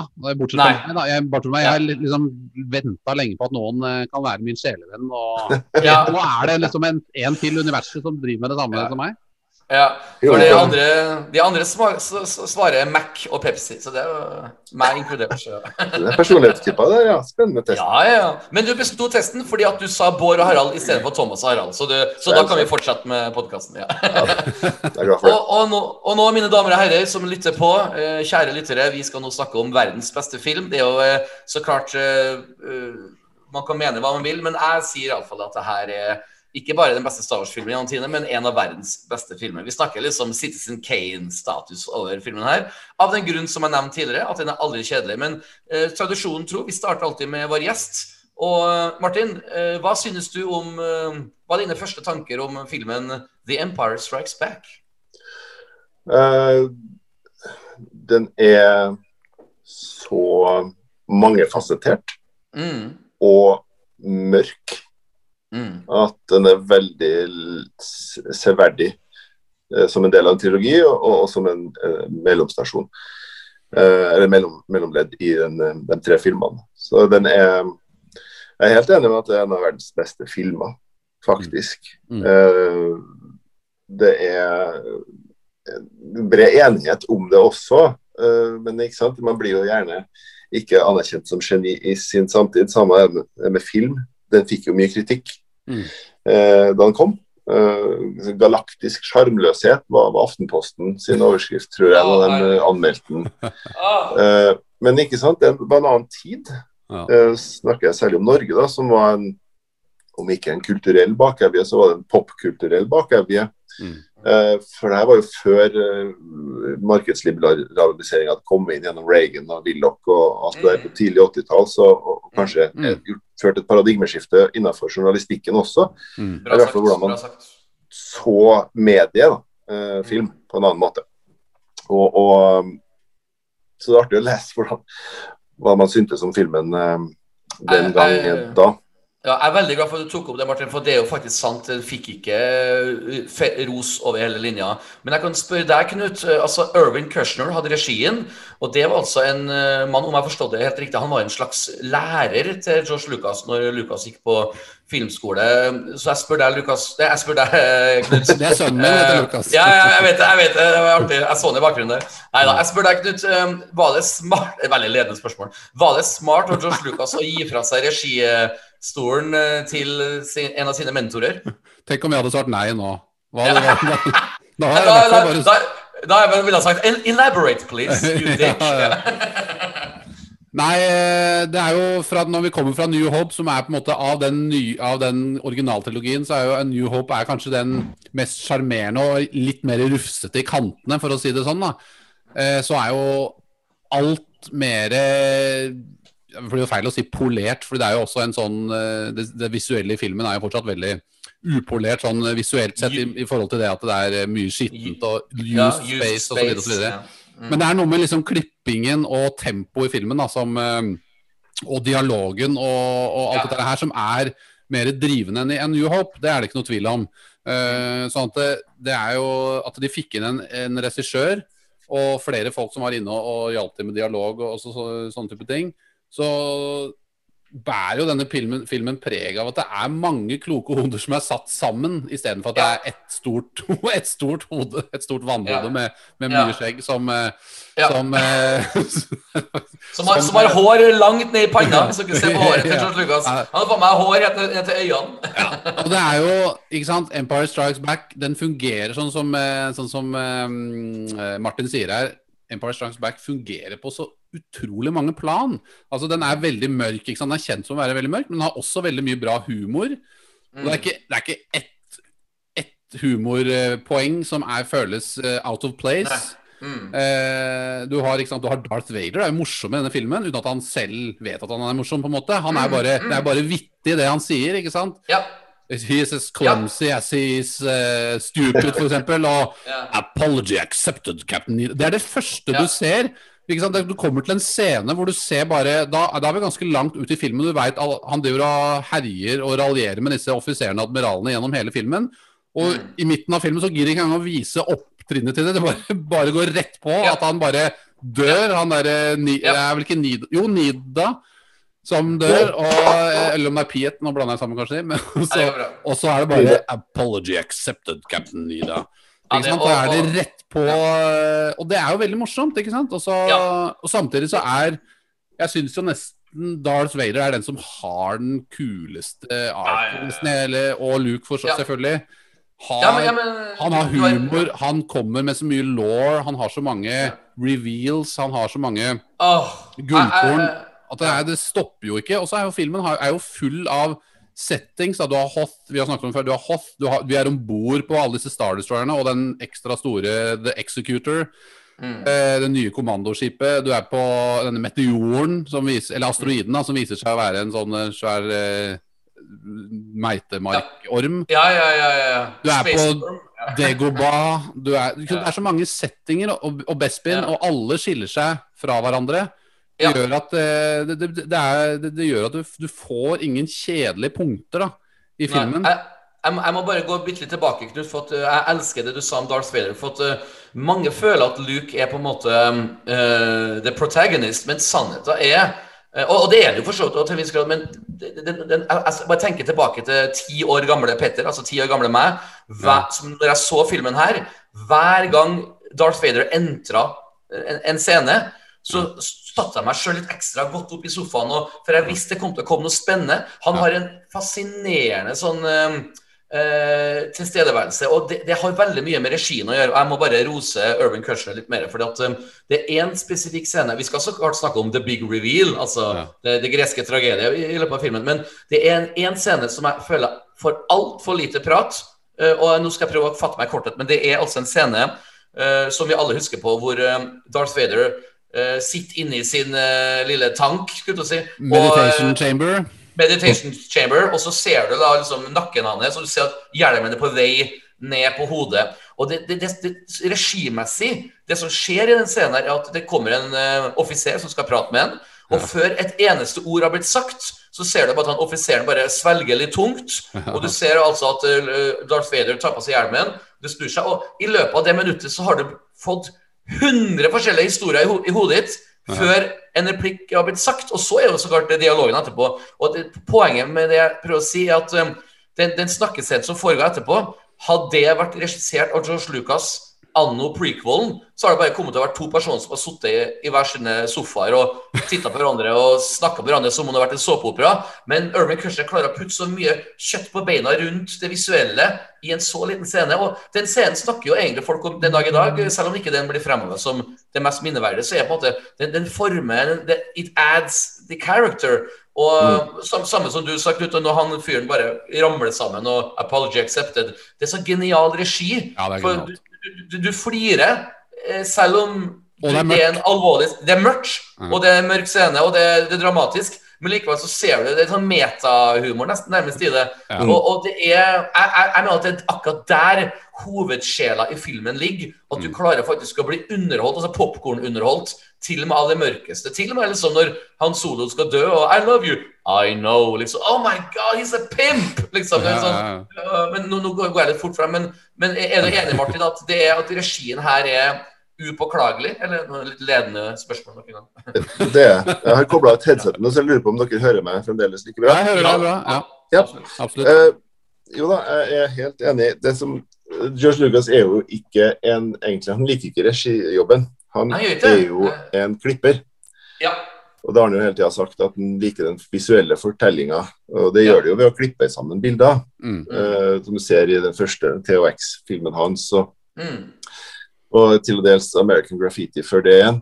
Eller Mm. uh, før Star Wars. Uh, og da, Det var lurt av ham å gi den der, eh, rollen videre. Det var også noen ting han ikke kom til å gjøre igjen, sa han. For han tok, holdt- første film holdt jo på å ta livet av en, så Mm. han ville sannsynligvis ikke gjøre en god jobb på den andre heller. Mm. Eh, og, og Kirshner er jo en uh, historieforteller Ja. gjennom Eller regijobben sin. Så han elsker jo den biten der. Mm. Og, og, og den relasjonen er jo essensen egentlig i det kallet han hadde Mm. som regissør. Og Det har han jo sagt i flere intervjuer selv også. eh, at det er forholdet mellom menneskene på skjermen som er det Ja. viktige. Og det bærer jo Empire enormt preg av. Ja. Ja. Eh, så, så han, uh, han regisserte jo masse filmer. altså det var Eyes of Laura Mars kommer samtidig, Mm. nesten samtidig med Star Wars. Man Called Horse. Mm. Eh, han, du ser det i flere av filmene hans, hvor, hvor god han er på det der med mellommenneskelighet. Mm. Ja. Og hvordan det skal tjene en historie. Mer enn Ja. rent spetakkel, da. Mm. Og det er som du sier, Petter, at de små nyansene de kommer fram gjennom Kirchners rolle Mm. som Mm. regissør. Eh, på Finse så var han jo First Unit, det var to units. ikke sant? Den som hadde First Unit var jo hovedrolla, folka, som hadde nærbilder av Luke og, og han. Og så hadde du Second Unit, da, eh, der Kirshner ikke hadde noe særlig med uh, jobben å gjøre. Um, og, og det var fordi at Second Unit ikke hadde noe emosjonelle scener. Det var mest masse springing og, og ikke så mye med hovedpersonene å gjøre. Så, så som, eh, som First Unit Director på Finse til og med, så klarer han å, å gjøre noe det lille ekstra. Som f.eks. For å foreslå at de får for Harrison Ford opp hit, fordi vi har ikke eh, planlagt en scene med Towntownen og sånt. Den skal egentlig filmes i studio, men i og med at vi har det dårlige været her og ikke kommer oss ut, Mm. få Harrison over hit. Eh, Så kan vi gjøre det rett utafor hotellet. Og, og Mm. den biten, bare å, å kunne improvisere, det forteller også at han er en god organisator. Eh, Yes, rett og slett yes. en, en, så mange talent som regissør. Så Mm. Kirshner var eh, den rette mannen for Empire Strikes Back. Jeg, jeg kjenner akkurat nå, jeg er veldig glad Martin, at du er vår gjest akkurat i dag. For at du, du kommer med mye sånn ekstra snacks som passer godt til den filmen. Sånn som du nettopp sa, det der er jo helt uh, nylig And I thought they smelled bad on the outside. Altså, det er jo Ja, ja. sikkert en uh, eh, Det er jo da tydeligvis en setning som ikke var i originalmanuskriptet, siden den scenen det er masse Eller, eller det, det små- det, hende. Ja. Improviserte Ja. ting, ikke sant. Så ja. genialt. Og, og, vi, ja. er, har dere sett filmen 'Revenant' med Leonardo DiCaprio? Ja. Oh yes. Oh yes. Der er det jo en scene som er direkte inspirert av akkurat den scenen der, da, hvor han legger Luke inn i tåntånen der. Ja. Han, han, legger, han legger seg jo inn i det. Når jeg så den filmen første gang, tenkte jeg bare dette er jo, dette er jo nesten en rip-off. Han legger Ja, seg, ja, ja, ja, legger seg inn i en hest. Ja. Ja, ja. Men, men da må jeg Gammel, gammel speidertriks.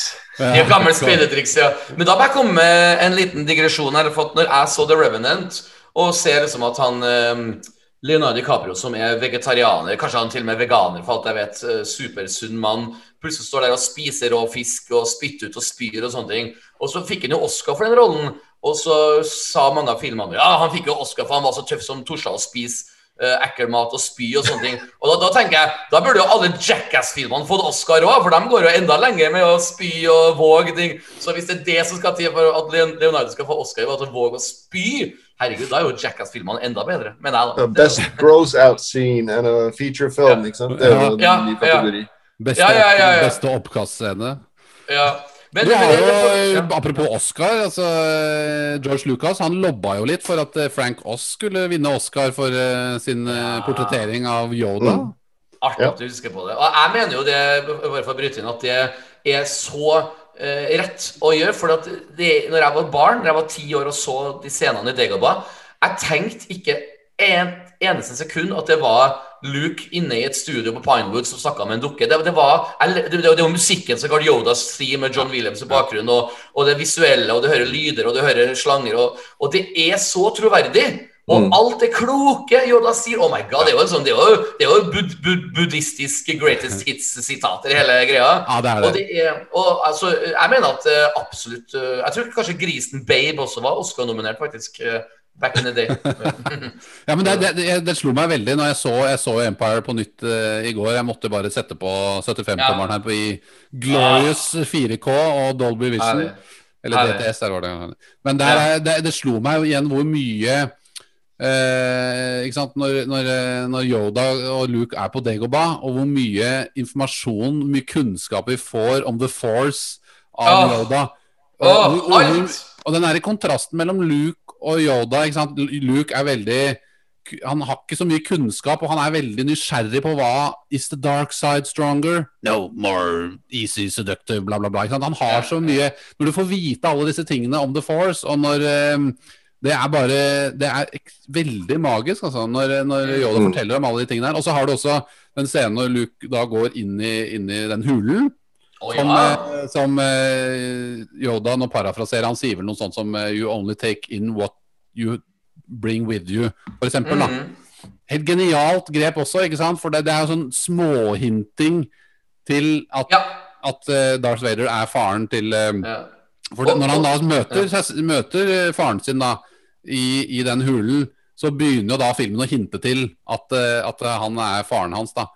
Og, Ja. så, og den scenen er også så jævlig bra spilt av Mark Hamill. Altså Når han Ja, kommer ja, ja. inn der, det er en av de beste scenene ever.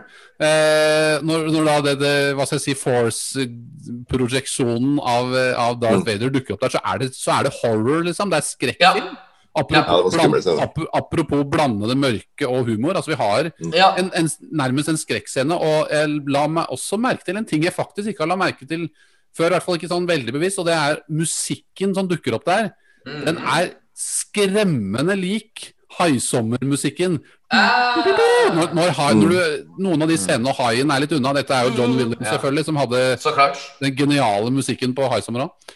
Mm. Og musikken er så jævlig bra der òg. Og som den er i hele filmen. Er, altså, dette er, det er ikke mulig å lage bedre musikk i en film enn den som er i Empire Strikes Back. Det er, hver eneste scene har musikk som bare er sendt fra oven, liksom. Som passer Ja, til jeg- den, beskriver den karakteren eller det romskipet eller den eh, Ja. Ja. tror også Jeg- jeg- den- jeg- ja. Den scenen i den hula er jo Jeg tror det er første gangen de bruker synthesizer i soundtracket. Ja, sier du det? Er Ah, det, vi, vi, vi, det er en sånn Ja. Ja. rar, rar, sånn harmonisk eh, Jeg husker ikke hva det heter noe. Det er en spesiell sånn synthesizer-device. da, Så de går fra det rent orkestrale ja. av laget til, til en- eh, litt mer sånn otherworldly lyd. Ja. da, Ja. Som Ja. passer den scenen veldig bra. Så jeg er helt enig Ja. med musikk. eh, Sikkert en uh, Yamaha CS80, tipper jeg. men du, um, men en, en annen ting jeg må tilføye, Knut, på den scenen her, er jo at det er også en ganske det er ganske modig valg av Lucasfilm, altså George Lucas, å, ha med en slik scene. For det er jo tross alt tolv år gamle gutter som sitter i kinosalen, og det er en veldig kunstnerisk art movie-avdeling av filmene her, som lett kunne ha blitt kutta ut. Eh, klippa bort med tanke på å holde popkornfilmvibben i gående, men de våger likevel å inkludere den, og det beundrer jeg. For det, det, det, det, er jo scener her som æder litt sånn eh, kvalitet og kreativitet oppå alt det andre som er bra. Så Ja, for det, det er jo, De kutter jo han huet òg, og ikke bare ja, ja. Hvis du sammenligner med f.eks. prequelene, hvor det, så har du jo også den scenen hvor Mace Windu kapper av huet til, eh, til Django Fett, men da ser du jo aldri ansiktet. Det er stor forskjell på bare å se en hjelm som eh, Ja. liksom ruller bortover. Her ser du Ja. huet til Luke inne, og det husker jeg det var ganske skummelt når jeg så det første gang da jeg var type 10-11 år. Så Ja. det, er en, det er en dristig scene, men eh, Ja. her, må Men- de jo, her ja. må de jo ha tenkt at det er for bra til at vi kan ta det vekk. Det har sikkert Ja, vært men- diskutert, men eh, ja. Ja. Men vet du hva som er annet i filmen her som er både skummelt og dristig? Det er incest. ja. For det er faktisk en liten incest-scene, og den scenen må vi snakke litt om. For at uh, Betyr det egentlig at de ikke hadde planlagt at uh, uh, Lea skulle være søstera til Luke når de spilte den scenen? Det, det vil jo jeg tro, for at alt annet føles jo bare feil. Hva tror du, Martin? Det er et godt poeng. Eh, for den er jo, I lys av alt man vet etterpå, så er det jo en eh, underlig Det er bra at de ikke gikk videre med den, da, men da har den sikkert eh, litt sånn eh, appropriate cuts. Eh, Ja, ja, ja. hele, hele filmen, liksom, og tatt bort alt. Og, og han, ja, han lærer seg ja. Og hele scenen avsluttes med Harrison Ford som sier Take it easy. Take it easy. Ja, og, og, og, og da, elsker ja, og da ligger Luke og lener seg bakover med armene bak hodet og yeah, stikker seg litt rundt leppene og yeah, I just kissed a hot girl. Så det må jo si og, og, og, Grunnen for at jeg tar det opp, er for at det er så mye klager på sequel-trilogien at det, ingenting var planlagt i forhånd. Men det virker ikke som at originaltrilogien heller var planlagt egentlig eh, i fingerspissene. For at eh, det er jo en veldig rar scene å ha med hvis de visste at neste film så skal Lea komme som søstera. Og For det er jo et lite hint til det, vet du, i Bespin, når eh, Luke henger på hodet og, og, og, og prøver å rope etter Leia, så zoomer de inn på hod, ansiktet til Leia, akkurat som at hun er den som har For vi nettopp får vite 'No, there is another', sier Yoda. ikke sant? Så Ja. de hinter jo til at Leia også har en kraft, eh, siden hun klarer å sense hvor Luke er. Så av den grunn så er det jo faktisk kanskje at de visste at hun skulle være søstera. Jeg vet ikke. Ja, hva- de hva- visste det, men Leia vet jo ikke det, da. Nei. Det. Men why include the kissing? Ja, men, ja, men, jo, men naturlig sett så vet hun vet jo ikke at hun er søsteren til Luke på det tidspunktet, karakteren. Så det er jo det blir Ja, måte- de som da, da, det- da, da, ja. da, blir det da går det jo ut på et kunstnerisk valg, da, om du skal, på en måte skal vise det eller ikke. Ja, og hun kysser jo han som et, mer som en reak eh, eksempel. En sånn slags fuck Ja. til, til Ja. Han Solo også. Ja, mer enn ja. Det er vel ikke tunge, det er vel ikke noe tunge inne i bildet der, tror jeg. Ah, det, det er jo noe, det er noe hender på kinnet. Ja. Men vet du hva? En liten nerdtrivia. Leia kysser også Luke i A New Hope. Vet dere det? Ja, det er Ja, jo det er noe, når svinger over der. Nei, det er når han ehm, Når han roper uh, Carrie, er det ikke det? Når han sier feil. Han sier, eh, han sier jo navnet til uh, Carrie i, i A New Hope, har du, lagt- har du lagt merke til det? Han, han, han sier ikke Jo, det er noe, et, etter at de har, etter at de har uh, sprengt The Death Star, så er det Ja. sånne celebration-scener i den hangaren. Ikke sant? Så kommer Mm. hun løpende 'Carrie!' sier han. Ja, Ja, det det ser er det. Ja. Og så er det ja. også et annet kyss i eh, Empire Strikes Back, når han blir henta ut av Bespin og ligger der skada, og hun Ja. steller litt med ham, så gir hun nok en gang et kyss på munnen. Ja, ja, ja. ja. Ja. Ja, ja. ja det, det er incest eh, twi times two. Ja, altså. Luke får jo et kyss når de skal og svinge over der eh, avgrunnen i Yes. Hope også, da, men det er jo for luck. Det er Det, det er for luck. Ja, ja. Sibling luck. Og så har vi jo ja. også en annen ting de, vi har jo, som jeg tenkte på, var jo Vi savna jo at Finn og Poe ble At de ble et homofilt par. Det er liksom, de burde ha gått for det, liksom. Men, Ja, i Empire, ja, ja. men i Empire Strikes Back så har vi jo faktisk en homofil rebel. Har du tenkt over hvem det er? Nei, nå må du dele. Arve, Juritzen. Ja! Tenker. Endelig er ringen sluttet. De, de, de, ja. Det var litt artig, apropos det vi snakket om tidligere i podkasten. Jeg må ikke huske på alt som skjedde for 41 år tilbake. For Jeg snakka med Arve Utsen på sånn God morgen Norge. Når jeg ga, ga ut en sånn Star Wars-bok, så var han også gjest på den God morgen Norge-sendinga. Og da begynte han å snakke om at ja, når jeg var på Finse i 79, så kom de med store helikoptre, og de landet på settet og kastet ut hamburgere til oss. Og alle jeg prata med som var, har sagt at that never happened. Så det, det er veldig artig Nei. eh, hvordan eh, fantasien tar overhånd. Ja, det er ikke helt rett, det. Ja, du, ja, det kan jo Martin bekrefte med sitt bokprosjekt, at det var ikke noe helikopter-hamburger-utkast. Nei, nei, nei, det å fly et helikopter er veldig dyrt og tidkrevende. Ja. Så eh, Ja, han som hadde ansvaret for å taue ut helikoptrene, og det svenske som het Håkan som hadde ansvaret for det, og så var det Mm. Ole som fløy helikopteret, og nei, ingen av dem eh, leverte noe mat. Nei, det var kantinedamene Ja. som kom med snøskuter, med Ja. store sånne militærcontainere med, Ja. med velling og, og kjøttkaker. Herlig at du vet sånne ting. Uh, en, en ting som er, Jeg skjemmes litt over å si det, gutter, men det var en ting jeg alltid har trodd, som jeg nå har gjenoppdaga at jeg trodde feil. Og det er jo at uh, favorittlåta til Knut Løksen gjennom tidene, The Imperial March, gjør faktisk sin debut i The Empire Strikes Back. Jeg trodde den Ja. var med i A New Hope, men der tok jeg feil. Den her er fra soundtracken til Empire Strikes Back. Hva syns du om det, Knut, at eh, din favorittlåt eh, er på denne filmen? Jeg tenkte på det, jeg tenkte på det samme sjøl faktisk i går også. Jeg har jo tenkt på det før, men jeg kom på det på nytt. Det, der, det Mm. faktumet der at den ikke er med i New Hope. For det er jo veldig Mm. lett å tenke at er- du identifiserer den låta med, med Imperiet. da. Og når du, får, du får jo, når du får den låta første gangen med disse romskipene, så, det jo, så, så tenker jeg at det kan ikke Ah. bli mer perfekt. Og det er Nei, nei, nei. nei. ekstremt mektig hvordan de, de klarer å Litt sånn som i Rogue One, da, hvor de klarer å skru opp hvordan, hvordan de skildrer imperiet, og hvor de liksom skrur det til 11. Og jeg føler at det også gjør de i Empire Strikes Back eh, i forhold til eh, A New Hope. Det er virkelig mm. Måten de skildrer imperiet på, er skrudd flere Ja. hakk opp. Eh, Så- ikke sant? Det er den der, den der rivaliseringen mellom disse offiserene.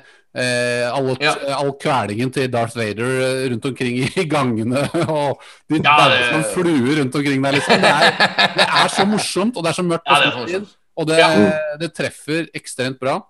Ja. Og, Eh, men- for å gjenta meg akkurat den setninga du sa nå, at det er så mørkt og morsomt på samme tid, føler jeg egentlig er essensen i hele rammen rundt filmen her. At de, for, for, for å få til det Altså Én ting er å skrive det på papir, men det å klare å få det til i film, det, det der kunstverket ligger. da, For alle sammen kan Jeg, jeg jobber mye på teater, og av og til når man leser manuskriptet Å, fy faen, det her skal bli gøy. Og så gjør man det på scenen. Ok, det ble ikke så gøy som jeg trodde jeg hadde forestilt meg det. Men her er den på en måte Altså, det er jo forced stroke via Zoom som Ja. foregår her i Empire Strikes Back. Liksom. Men, eh, men, men eh, også, også det som er mørkt, men så har du også det vakre, sånn som musikken til Yoda, Yodas theme. Det er jo også en ny Ja. melodi. Så man kunne egentlig si at John Williams toppa seg sjøl fra eh, soundtracken tre år tidligere med Empire Strikes Back. Altså, alle brought their A-game Ja. i filmen her. Og, og så virker det som at eh, hovedskuespillerne, Luke, Lea og Han Solo, de koser seg med, med sine karakterer pga. at de får så mye mer regihjelp. For alt det Josh Lucas sa i 1977, eller 76, da, var jo 'faster, more intense'. Men Irvin Crusher er jo en people person. og Mm. Jeg mener, Hele kjærlighetskranglinga mellom Lea og Han Solo Det er jo nær, nær, nærmere mer krangling enn romanse. Men likevel så fungerer det. Det fascinerer meg hvordan uh, you, you, can't tell uh, you're, you're, not, you're, you're afraid to tell you what you feel about me. Altså, Han sier det på en sint måte. And it still works. Det, det der er skuespillerprestasjon av, eh, av, av aller høyeste grad. Altså. Jeg, jeg føler dere Ja. det samme? Det, det er på en måte en herlig kjærlighets... Uh, Ja. Selv om det er irritasjon. Det er vanskelig eh, ja. Veldig gjenkjennelig. Det er jo veldig De spiller på gjenkjenneligheten til sånn hard to get-prinsesse. Ja. Liksom. Det, er jo- det er jo en klassisk greie, men Ja. det, er, det er jo masse klisjeer i den kjærlighetshistorien. Men eh, Og de har en sånn kjekling som går parallelt med alt all annen staffasje og all annen action som foregår samtidig. på en måte. Men Mm. det er jo først og fremst kjemien mellom, mellom Harrison Ford og Carrie Fisher som driver det der. Mm. der. Og, og Ja. valget av dialog. ikke sant, Scoundrel og There's not Ja. enough scoundrels in your life. Og de drar inn de scoundrel-greiene. Og eh, de, Ja. ikke sant, de er inni den derre der, hva heter det, en slags sånn technical room inni Millennium Falcon der når C3PO avbryter dem. Ja. Som, oh, det er så bra! Oh, det er så bra. Ja, Nei, er- det er så viktig. Det, det, det understreker jo, eller belyser jo bare rollen til Lawrence Castan, som kom Ja. inn som en scriptdoktor i etterkant og tok Mm. Lee Brackett sine litt sånn kunstige, gammel-hollywoodske eh, Ja. dialogmønster og snudde Ja. dem til mer, mye mer snappy og troverdig eh, dialog. Så- Som, var, som ga skuespillerne langt større si, rom å, å spille på, da, enn om du skulle ha Du ser de første utkastene til hvordan Vader snakker. ikke sant? Det er helt annerledes enn Ja. den første filmen. Så, så det, skjønner at de måtte gjøre noen rewrites på den biten der. Ja. Så Lawrence Castan gjør en veldig god jobb for å få kjærlighetsdialogen dialogen Ja. som understreker kjærlighetshistorien, uh, godt fram i lyset. altså. Og det, man det, ja. Darth Vader er utrolig Han er så konsis da, i denne filmen her, mye mer enn Mm. han er i A New Hope. For at det, her gir han mer, veldig mye mer konkrete ordre om hva som skal skje. Hva, Mm. hva- de skal foreta seg til disse offiserene. De skal land med disse troppene, eller eh, prepare for ground assault. altså Han, han har en, en større rolle i denne filmen her enn i New Hope og gir, deler ut ordre og har konsise replikker gjennom hele. Og alt han er sier alt han sier har en betydning, enten det er en vittig underliggende greie i forhold til uh, offiserene, eller om det er da, denne store revealen som vi ikke har snakket om ennå, eh, om eh, denne farsrollen i forhold til Luke og Ja. har, det, er ikke, det, er ikke et, det er ikke en bokstav som eh, er wasted, liksom. Nei.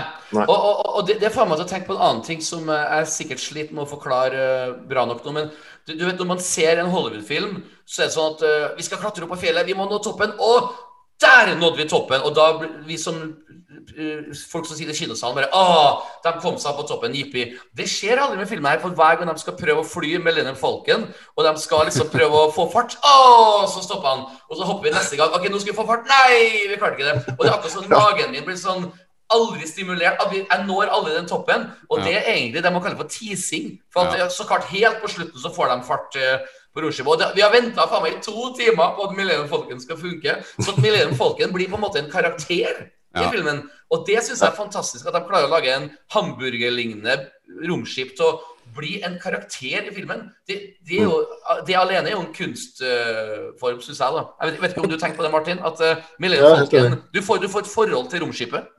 Ja, Du, du det er heier på både. Ja.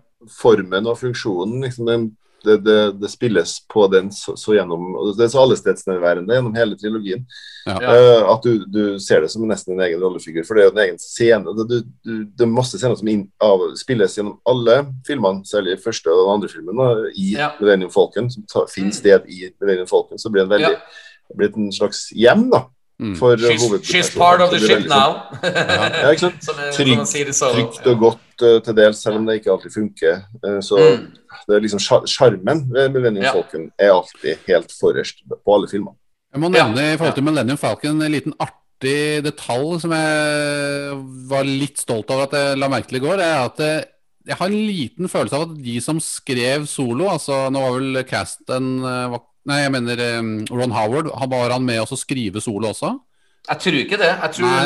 Lawrence Caston og hans sønn Jonathan Caston skrev Ja, hele det, ja, filmen. det var det. Og jeg har litt følelsen av, for at du har en scene hvor uh, Harrison Ford sier til C-3PO at han skal You can communicate with a ship. To, Yes. For å liksom finne ut av hva som er problemet med denne hyperdrive-motivatoren. Mm. Og der er, altså Jeg har ikke sett i originaltrilogien en mer direkte kobling til at L3 er Ja. a part of the ship. For da sier Yes. jo C-3PO It has a weird dialect. Og da begynte jeg med en gang å Mm. tenke på den der bifil-roboten til Yes. Lando. Ja, ja, ja. ja, ja. Der er, føler jeg det var en bevisst kobling altså, mellom de to jeg- jeg- tenkte akkurat det samme akkurat i solofilmen når uh, Lando sier 'She's a part of the ship now'. Da skjønte jeg ah, nå skjønner jeg hva C3PO snakka om uh, Ja, ja, i, det- i originaltiden. Så, ja. Og Casten er jo tungt involvert selvfølgelig i Empire Strikes Back, så det, det her Ja. Uh, det er er nydelig. Her er det et godt eh, håndverk, altså. For det, det, Ja. det passer fint, liksom. Ja. Og også Apropos godt håndverk, så må jeg si Nå skal jeg prøve å gjøre en veldig kort historie. Men det er noe med Når vi da kommer til andre romskipet, X-Wingen, som nesten blir sånn nærmest for sånn hyllestscene. Du vet når, eh, når Yoda drar X-Wingen opp av eh, s- sumpen i Dagobah, og så sier liksom Luke I don't believe it! That is why you fail. Og jeg, jeg skal være så dyp og si at den setninga der eh, Nå er jeg litt sånn eh, drama queen her, men den setninga der tar jeg faktisk med meg i mitt liv. Eh, oftere enn eh, folk skulle tro. Hver gang jeg har lyst til å begynne på et nytt prosjekt, så sier eh, og så, Hvis jeg for eksempel, jeg og Christer begynte å skrive en Prince-bok for ti år tilbake, så var det flere ganger vi bare sa ah, vi har, jeg ikke trua på det her. Og da får jeg sånn Yoda-stemme. That is why you will fail, because you don't believe in it. Så, og hver gang jeg tenker på nye prosjekter jeg skal begynne med, så har jeg den derre i i bakhodet. Jeg vil nesten si at Yoda har vært med å forme eh, de, de, de suksessene jeg hadde i mitt liv. Og Yoda, er Yoda en, eh, en partner in crime. Føler dere det samme? At eh, Ja. de vise ordene fra Yoda hjelper dere? Ja, men altså, jeg, jeg, har, jeg har jo baby Jeg kan vise deg det. Jeg har jo Ja. en baby Yoda, da. Det er jo ikke Yoda, men det er jo Grogu. En slags Nei, fader, det Martin vet ikke hvem Grogu er, han. Jo, jeg vet, jeg vet, jeg tror jeg vet ikke noe navnet. fader, nå spoil- Ja, ja, men altså, du skal få det til jo, å det er jo et, et dobbelt uh, Hva skal jeg si tvetydig. Altså det, er jo, det har jo en mening i filmen i seg selv, men det har jo også en, en, eh, et budskap til oss som mennesker. Altså Det er jo nesten som Yoda henvender seg til oss mennesker også, ikke sant? akkurat som Ja. du sier der, Petter. Ja. Eh, så det, da blir det ekstra Det får en dobbel effekt, da. Det får en ekstra Ja. virkning. Og, og, og ta eksempel 'Judge me by my size, do you?' Det er også en genial ting å si. altså Når den lille grønne fyren der eh, blir dømt på utseendet. Altså, jeg elsker det så mye, for at det er liksom eh, Når jeg ser en kort, ikke kortvokst, men en lav basketballspiller gjøre det bra, så kjenner jeg at jeg blir glad inni meg for at han har eh, mer motgang på en måte i på Mm. grunn av størrelsen. Men likevel, 'Don't judge me by my size'. Det er noe jeg vet ikke, altså jeg, jeg, eh, Oscar til Yoda, som eh, Ja, Ja, det er Oscar til Yoda. Det, ja. Hva, hva, hva, Og så syns jeg at eh, det er jo Jeg har et lite sånn En slags Kall det et plotthull, eller hva, hva man skal kalle det. En liten ripple in the force. Og det er jo Man kan jo selvfølgelig si at Eller omgå på det på et vis, men Obi-Wan sier jo at like Altså Yoda will instruct you like he instructed me. Ja, ja, det er feil. Den- Ja. Den er litt selvmotsigende, for det er jo ikke han som eh, lærte han opp, da. Men man kan jo si at han var med og Ja, Lene han ja, litt opp i gangene der, og han var sikkert en- Yoda er jo sikkert liksom rektor på denne Jedi Council uh, Youngling-skolen. Så Men jeg er kanskje- enig, altså. Med, med en gang jeg så Phantom Menace i 1999, tenkte jeg her stemmer ikke hos this Qui-Gon drinking gin guy. Because Ja, uh, it was Yoda who taught uh, Obi-Wan. Weren't uh, I the same as a young seals Obi-Wan? Ja, han sier jo det òg, ikke sant? Det er jo litt sånn eh, Uh, det, det, det er noen uh, feil der, men det, det kan sikkert rettes opp i at uh, når Obi-Wan var veldig ungt barn, da var liksom Yoda læ, læ, lærer til mange av disse unge. Ja, det er Så du sånn. burde legge til en liten setning der. When he instructed me when I was a youngling in the Jedi Yes! Council Youngling Training Jojo room. Men, men der sier du noe interessant, fordi at når man spilte inn Revenge of the Sith, og akkurat når uh, Ian McDermott spiller da uh, The Emperor, så sier George Lucas Oh, by the way, stick around a little bit on the set. We're gonna re-record some scenes now that we're gonna put into Empire Strikes Back. Og det skal vi prate om nå. For Knut, har du noe anelse hvilken scene jeg snakker om nå? Og det må jo være når keiseren dukker opp igjen, da. For det er jo veldig mange som ikke veit For at Ja. Empire Strikes Back, det må jeg legge til også, er den av filmene som jeg syns nyter best av Special Editions-tillegg, da. Yes, Eh, yes, og, og blant annet så er det jo den scenen her som, er, som var Ja. grusom. Det, alle Ja. har jo glemt hvor utrolig dårlig den forrige keiseren så ut. Yes. For Jeg det vet var det var en. Ja. halv blanding av en sjimpanse og en gammel dame og noe, Yes.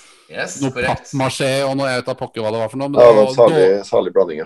Ja, for, det, for, for våre lyttere, Ian McDermott dukka så klart opp i Return of the Jedi, men han var altså ikke med i Empire Strikes Back. Så det, det, når man ser det nå på Disney Plus, så er det altså fiksa i ettertid. Det, det ble fiksa så sent som i 2005, tror jeg faktisk. Ja. Og, han spiller jo mest, og han spiller jo mesterlig der også. Det er jo bare Ja, ja, ja. spot on hele den scenen.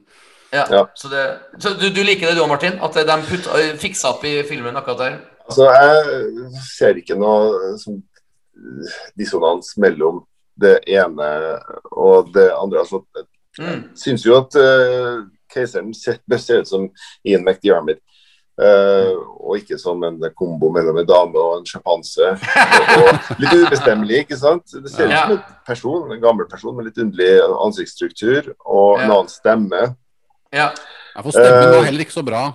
Nei, nei, det Nei, var stemmen Ja. Den er litt sånn uh, ubestemmelig. Det er vel Clive Redville, han er vel en australsk, var, en australsk skuespiller som hadde Mm.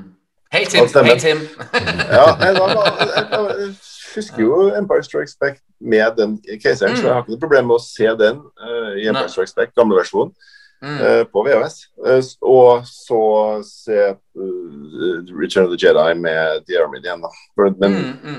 Ian McDiarmid er jo keiseren med stor kopp. Ja, ja, ja. Ja, ja, ja, en- absolutt. en- jeg, er helt, jeg er helt enig i at det, det var ikke noe jeg også tenkte på den gangen. Og jeg så, Nå er det veldig lenge siden jeg har sett de originalutgavene uten å ha disse special editions-tilleggene. Jeg har den på eh, laserdisk. Ja, ikke sant? Det, vi, må ta en, VHS? Yeah. vi må ta en kveld hvor vi ser de på laserdisk, Petter. Ja. Men en annen forandring er jo at Boba Fett har fått en ny stemme. Du har fått med det, Martin? Ja, eh, det var vel Jason Wingreen som hadde stemmen uh, Wow. Snow Used To Be Dead og bit der. Og så Yes. er det vel han uh, Tamora Morrison som uh, Yes. over uh, Ja, det- det til Kiwi-aksenten. Den syns Ja, jeg ikke er noe god. Og, ja, for jeg har reagert på det, men det har vokst litt på meg, føler jeg. Hva med du, Knut? Hva føler du om det? Om, om hva da? At eh, Og, om at Boba Fett har fått en ny stemme i Ja, Special ja, Edition? ja eh, altså Nei, det har jeg ikke tenkt så mye på. Jeg har i hvert fall ikke tenkt at det ødelegger noe. Jeg, altså, Mm. man, man, for det første så glemmer man jo. Eh, man blir vant til det nye. Eh, sånn at jeg har glemt nesten åssen det hørtes ut i utgangspunktet. Ja. Jeg syns jo, eh, jeg synes jo Det er ikke så forskjellig heller. Hva sier du? Nei, men Det er ikke så stor forskjell på Nei. den, eh, på den nye og den gamle heller. Forskjellen Men er mindre for eksempel, enn på Keiseren. Da. På Keiseren så er jeg veldig Mm, mm. glad, men på, på, Ja. i, forhold, i forhold til Bobafett så var det nok bare kontrollfriken George Lucas som ville at Ja. alt skal stemme overens, og alt skal være canon, og alt skal Det skal være et helhetlig ja. univers, da. Ja, for jeg må jo si meg litt enig med Martin. For at eh, jeg, Boba, Boba Fett er jo så klart min favorittkarakter. Og den stemmen han hadde i originalversjonen av Empire, var så forbaska bra at det, den, den har limt seg fast i hodet mitt. Så jeg, jeg bare måtte ha akseptert at det har blitt forandra. For, for at det skal henge sammen med alle nye filmer og TV-serier og alt. Men det, det, det, sånne småting kan man tilgi, så klart. En, en liten uh, historie, jeg skal gjøre den veldig kort, for jeg har fortalt den tidligere i podkasten, det er jo at Eh, Donald Glover, som spiller Lando i solfilmen, han ville jo ha et møte med um, Billy D. Williams før han spilte inn Så han ville spørre ham masse ting om hvordan det var å være Lando. Og, og han Donald Glover, da, han Challenge Gambino, hadde masse spørsmål om sånne So how did you do this? And what do you think about that? And what planet are you from? And what is Og så sa bare Billy D. Williams I don't know, man. Just be charming. så tydeligvis så er liksom alt det Land, alt det Lando gjør i filmen her, er bare å være charming. Og det, det kommer veldig godt fram når man Ja. har fått vite i etter Hello, what are we here? Liksom. Det er jo veldig, nesten, nesten litt too much. Men uh, hva synes dere om uh, Lando-karakteren? Martin, du først. Jeg elsker Lando-karakteren. Han er et så Ja. friskt pust. Ja, han er det. eh, Han er i, eh, også, som også setter andre forhold og, og personer i relieff. da, som dem Ja. forhold til, til Hans Solo, ikke sant, hva er historien deres, og, Mm. og hva, hvor ligger lojaliteten til, til Lando og den biten Ja. der. Uh, han, er, han eier bare den rollen, han D. Williams. Ja. Så, så uh, Lando er Har jeg ikke sagt Luke som favorittkarakter, så har jeg kommet til å snakke Lando, for han er bare og ikke minst så blir han jo general i, i Return of the Jedi. Look at you, general! Ja. Ja. Let's find out. Ja. Ja, Eh, eh, det- Nei, jeg, jeg, jeg må bare slenge meg på alt det der. Altså, Ja. for Lando han er et veldig friskt pust, akkurat som dere sier. Han, eh, Mm. Og det, det, altså Donald Grover, også det han gjorde i Solo også, eh, har han mm. videreført den karakteren, synes jeg, på en uh, utmerket måte, egentlig. Uh, Mm, å Få den derre sjarmen, den derre swagger-greia, liksom. eh, inn i den karakteren. Altså, eh, når, vi, når vi snakker om noe, så kjente jeg liksom at det, For jeg har ikke hatt den derre Lando-serien liksom høyt opp på lista mi, men jeg, jeg har ikke. men, når, man, når man begynner å tenke på det, og Mm. tenke hva, hvor mulighetene er, i forhold til at de kan Ja. plukke opp ting de hadde tenkt å ha med i disse solo-oppfølgerfilmene. Mm. Eh, Donald Glover, som er en uh, utmerket skuespiller, eh, Mm. og selvfølgelig Lando, som er en dritbra karakter. ikke sant, så Mm. det, det er fort gjort å glemme i en, i en suppe som Star Wars er med så mange, så mange Mm. bra ting, så er det lett å glemme hvor det er jo, Han har jo ikke en hovedrolle, på en måte, kall det en birolle. ikke sant, så det er jo, Mm. det er jo lett Ja. å glemme bort de tingene og, og tenke at uh, ja, det trenger vi ikke. Men så nei, det, det, der absolutt ser jeg at det kan dukke opp Ja. noe veldig bra. Det er en ting jeg skal snakke om nå som jeg nok en gang kommer til å ordlegge meg feil på, for det her er veldig sånn politisk eh, tendert. Men det er, det er uansett så er positivt det jeg skal si, for jeg husker sjøl når jeg var 10-12 år og så på Empire Strikes Back, så husker jeg at jeg syntes det var veldig stimulerende å se folk av um, flere forskjellige farger dukka opp i Star Wars. For den aller første Star Wars-filmen er jo bare white man only and one white lady. Men når du ser Empire Strikes Back, og når de kommer på Bespin Ikke bare at Lando har afrikansk opprinnelse, men du ser flere av hans eh, kollegaer og ansatte i bakgrunnen plutselig er, har, jeg har mørkere pigment. Og jeg merker at det er en veldig smart ting. Så klart så er det en rett ting å gjøre, men det er veldig sånn det, det, det er akkurat som at det åpner opp Star Wars for hele vår planet. Og for å bli, med inn, for at det var en veldig hvit uh, film spilt inn i eh, London den, uh, fra 1976, altså fra 77. Så at, eh, jeg vet ikke om dere har tenkt noe på det. Tror dere det var, et- det var et bevisst valg av George Lucas å få inn folk av flere nasjonaliteter? Jeg tror ikke det var noe politisk bak det, sånn sett, eller at det Mm. pusha på. I, I dagens klima ville han sikkert ha lagt andre, Mm. blitt andre føringer lagt eller krav, da, ikke sant? Så, Mm. øh, eller Mm. selvsagt mer naturlig også. Men Mm. øh, den gang tror jeg bare at han ville ha en fargerik, bokstavelig talt, uh, Ja. fyr, Mm. som uh, Mm. var larger than life. Altså, Mm. Om det var hvit eller sort eller hva det var, så, så var det bare personligheten. Og hvem er det som Ja. til å formidle den biten der? Eh, og skape de nødvendige dynamikkene. Og da eh, Willy D. Williams var jo konge den gangen. Han var jo For, for, ja. ja, for å, ikke, ikke for å kverule på det, for jeg tror kanskje Ditt svar er veldig sånn sukkersøtt og fint, men jeg tror kanskje det er litt feil. Jeg tror nemlig at uh, Josh Luke har tenkt nå skal vi også nå uh, alle folk i, i, verden. Altså vi skal treffe Kina på sikt, vi skal treffe liksom uh, det afroamerikanske miljøet. Vi, let's get some people with more color in. Jeg, jeg tror rett og slett det, det var hva, tror- hva tror du, Knut? Var det en slik type tanke bak? Altså, den, den har nok Vanskelig tema å prate om. Uansett hva motivasjonen var for å bringe inn den karakteren, så må nok i hvert fall de tankene ha dukket opp bak i hodet på at eh, her er det, det, dette er en riktig ting å gjøre politisk. Ja. Eh, eller Ja. for, i hvert fall for omdømmet til Star Wars da, og, den, og den filmen. Eh, Ja. eh, men jeg syns jo også at det er også en ting som En karakter hvor jeg føler at det har oppstått naturlig, da, i motsetning til sequel-trilogien, Mm. hvor jeg føler at det er veldig mye sånne valg som er gjort, men de, men de Ja. oppstår ikke naturlig. Og her føler jeg at det, for at det hele Lando Calrissians karakter er, eh, er naturlig, og du føler at måten han spiller det på i forhold til alt det som dere sa i stad Mm. Måten han eh, henvender seg til eh, Princess Leia på, ikke sant. Og smoocher og smoocher og, og smører på for å komme seg innpå. Og, og da den interaksjonen med Han Solo, som igjen blir Ja. eh, Hva er det han kaller Lando igjen? You old smooth? Smoothie. Ja. smoothie, sier han. Han sier faktisk smoothie. Ja, og, og, og, og det, det, det, ja, eh, Unnskyld, der kommer du inn på det innslaget for at eh, karakterene i filmen er jo for, altså Alle karakterene i filmen er jo fargeblind i den forstand at de reagerer ikke på Lando på noen annen måte. Han er en smooth talker, charming guy. Så ah, det, det har du rett i, men jeg tror det liksom ligger noe Ja. i, i, i bakgrunnen der. Eh, Men det det bidrar til, er jo ikke sant, å gjøre Star Wars For Star Wars-universet kler jo det mangfoldet. Istedenfor Mm. å ha, som du sier, Star Wars episode 4, White Men Can't Jump, så er det liksom Ja, bedre nå ja. Så føler jeg at det er litt mer Plutselig når vi kom til Bespin, så var det plutselig Da var det litt mer funky. Det var litt mer Ja, sjarm og ja, ja. Ikke sant? Det er Litt, og, og husk på at uh, spilt inn i 1979 Black Exploitation-filmfenomenet var veldig stort siste Ja. halvdel av 70-tallet. Så uh, Billy D. Williams var jo allerede en kjent mann i det afroamerikanske miljøet. Ja, ikke sant? Og du har jo eksempel Earth in the Fire og sånn. ikke sant? Og, Mm, og det, er, det er jo ikke til å stikke under en stol at den, uh, hva skal si, den kulturen som har oppstått, det er jo noe Det ligger jo noe i det derre White Men Can't Ja, Trump, eller white I, I, Men Can't Play Funk Music. Ja, ja, I, jeg vi, har lært, vi har lært oss det mer og mer nå. Vi kommer, vi kommer. Vi, Men, eh, we're getting there. we're getting there Og så er det også slik at um, du har jo artisten D'Angelo, en sånn en kjent soulfunk-artist, som sa liksom I really liked the first Hours movie, but there was only one brother in the first one, and that was Chewbacca.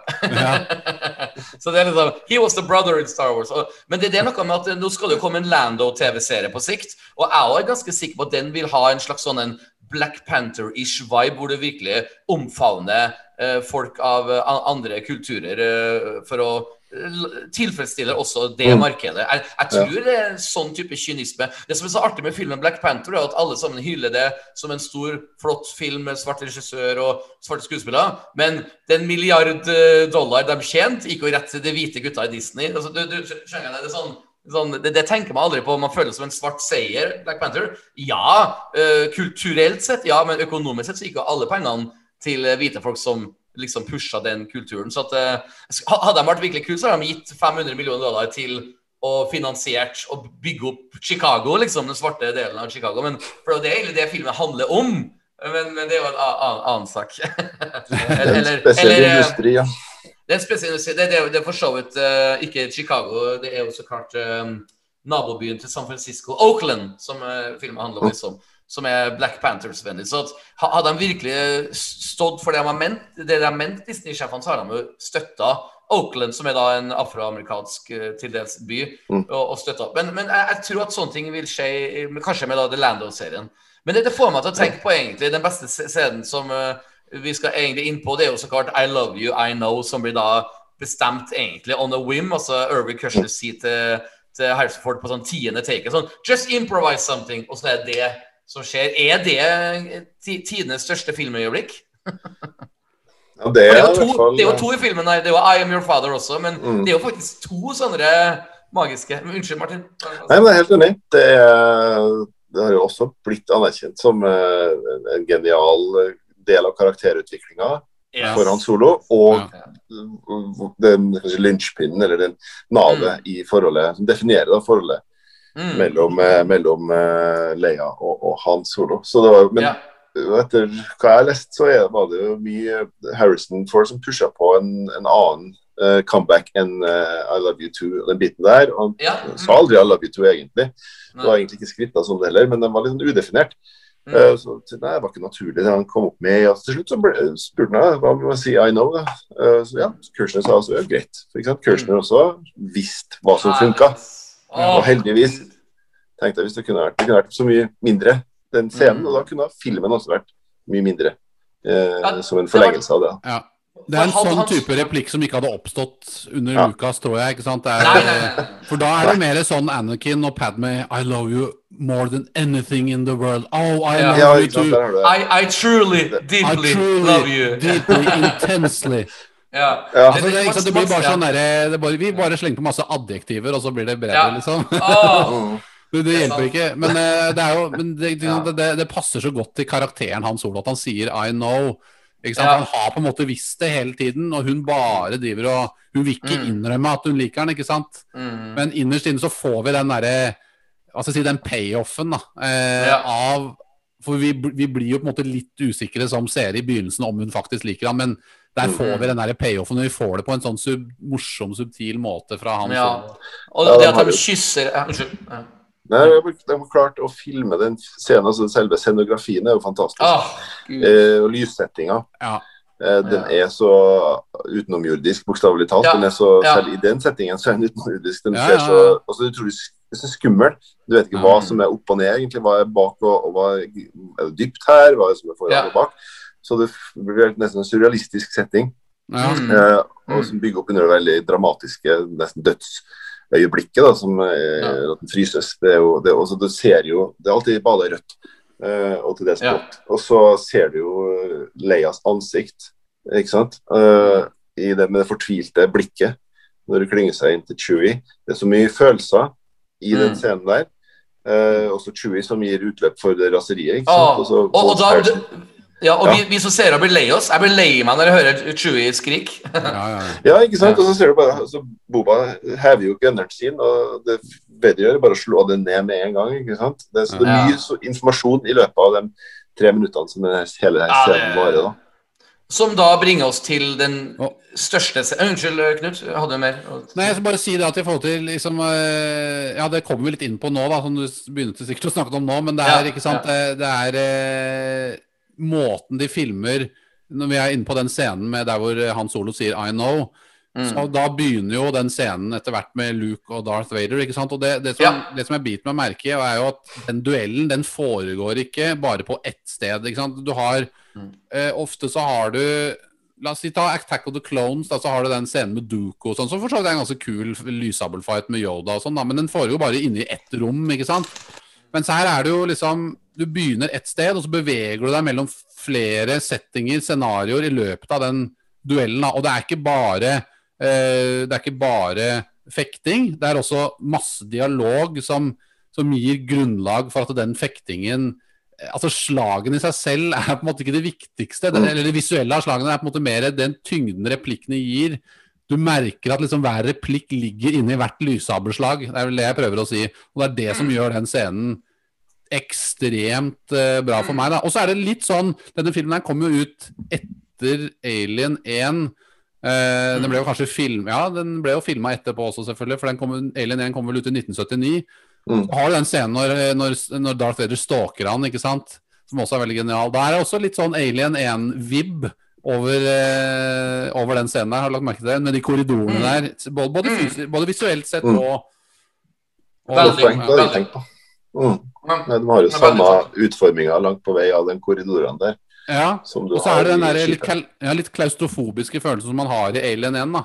Litt, en liten porsjon Ja. av det. Jeg lurer på om jeg leste et sted at, de også, at det var faktisk en inspirasjon liggende til grunn der. da, for det. Ja. Vi må ta en egen podkast på ja. det, for det er også en annen favorittfilm jeg har. Ja, du, å, herregud. herregud. Martin, Martin, du stjal nettopp min linje. For jeg skulle, jeg skulle formulere meg det annerledes og si at dypt, dypt, dypt inni sjela mi, så liker jeg faktisk Alien bedre enn Star Wars. ja, Men jo, men Alien, er, ja, ja, men Alien den perfekte kontrasten. Ja. Altså, de, de er like bra på hver sin måte, spør du meg. da. Bra sagt. Bra sagt. Ja, du, det trenger på måte, du trenger på en måte begge deler. Ja. Ja, nei, det er, eh, Alien er så, det er så sterkt for at um, nå skal det komme på sikt en TV-serie uh, basert rundt uh, den originale Alien-filmen. Og jeg merker at jeg gleder meg like mye til den serien som alle andre Star Wars-serier. Men det, det, det, For den er konstant mørk. Det er ikke plass til noe humor og det er noe tilfredsstillende, synes jeg. At det er bare mørkt og skittete. Det er Ja, yes! ikke den, viben der som Alien tok, The Used Universe, var jo Star, etablert av Star Wars to år i forveien, Ja. Yes. og gjort Yes, mer sir. vanlig, da, eller normen. da. Nå er det Ja. ikke Star Trek og, og gulluniformer lenger. Nå er det skittent det det jeg og funksjonelt. Ja. Men det er da jeg liksom mener at Star Wars viser muskler, da, når de putter inn en sånn scene der som fungerer så bra, selv om du har mye humor ja. og liksom, hva skal jeg si lyse replikker som er litt mer humoristiske. Pe- Pepra ganske jevnt utover filmen. Kanskje ikke akkurat i den scenen der, da. Men uh, de, det, er, eh, Ja. det er rimelig mektig, altså. Og når vi da kommer en- til Du kan jo sikkert introdusere den. Ja, eh, eh, bare en kjapp- kjempekjapp digresjon til. Du har også scenen fra Attack of the Clones som foregår i Coruscant. Der er det veldig Blade Runner-ish atmosfære. Så det er ingen tvil om at uh, George Lucas uh, plukker biter fra andre fantastiske science fiction-filmer, liksom. Ja, Men nå, Også Ridley Scott. også Ridley Scott. Helt korrekt. Ja. Veldig, veldig bra. Og mer Yamaha CS80. synthesizer. Veldig, veldig Ja. mye der. Veldig mye synthesizer. Nei, det er altså greia at Vi skal jo nå så klart til I am your father, og en liten intro til den er jo at um, det var jo ingen på settet som visste at setninga skulle bli uh, No, I am your father. For at det, på manuskriptet sto det Obi-Wan killed your father, som for øvrig også er en bra plottløsning, men så klart ikke like bra som at Darth Vader er faren.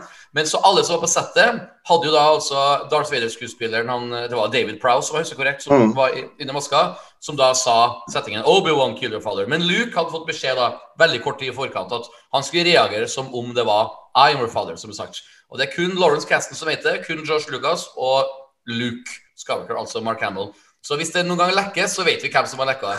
Så uh, spol fram til premieren. Mark Hamill sitter i kinosalen ved siden av Harrison Ford.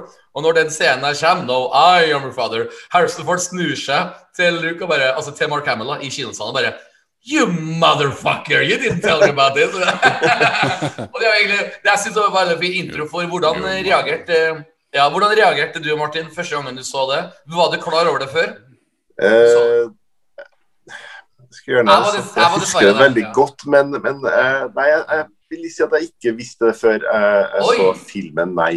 Uh, det var begrensa med informasjon rundt det. Jeg visste jo at det var Star Wars, og det var del to, men ikke at det var faren Nei.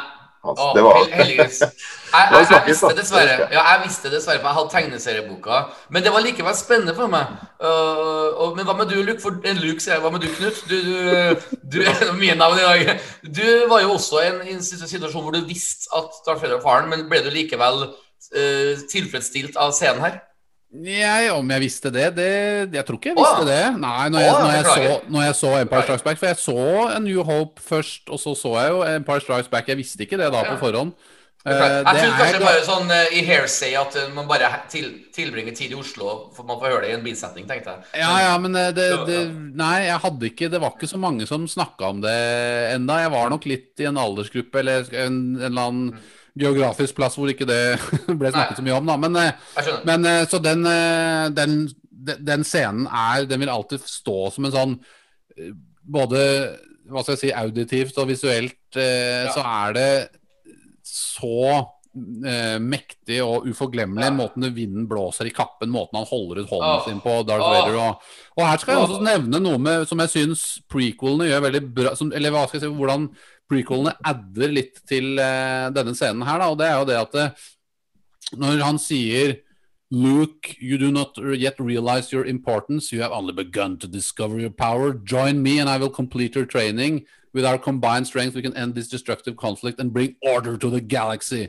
Ikke sant? Det er en ganske mektig replikk, og det minner jo litt om også Like father and son. ja.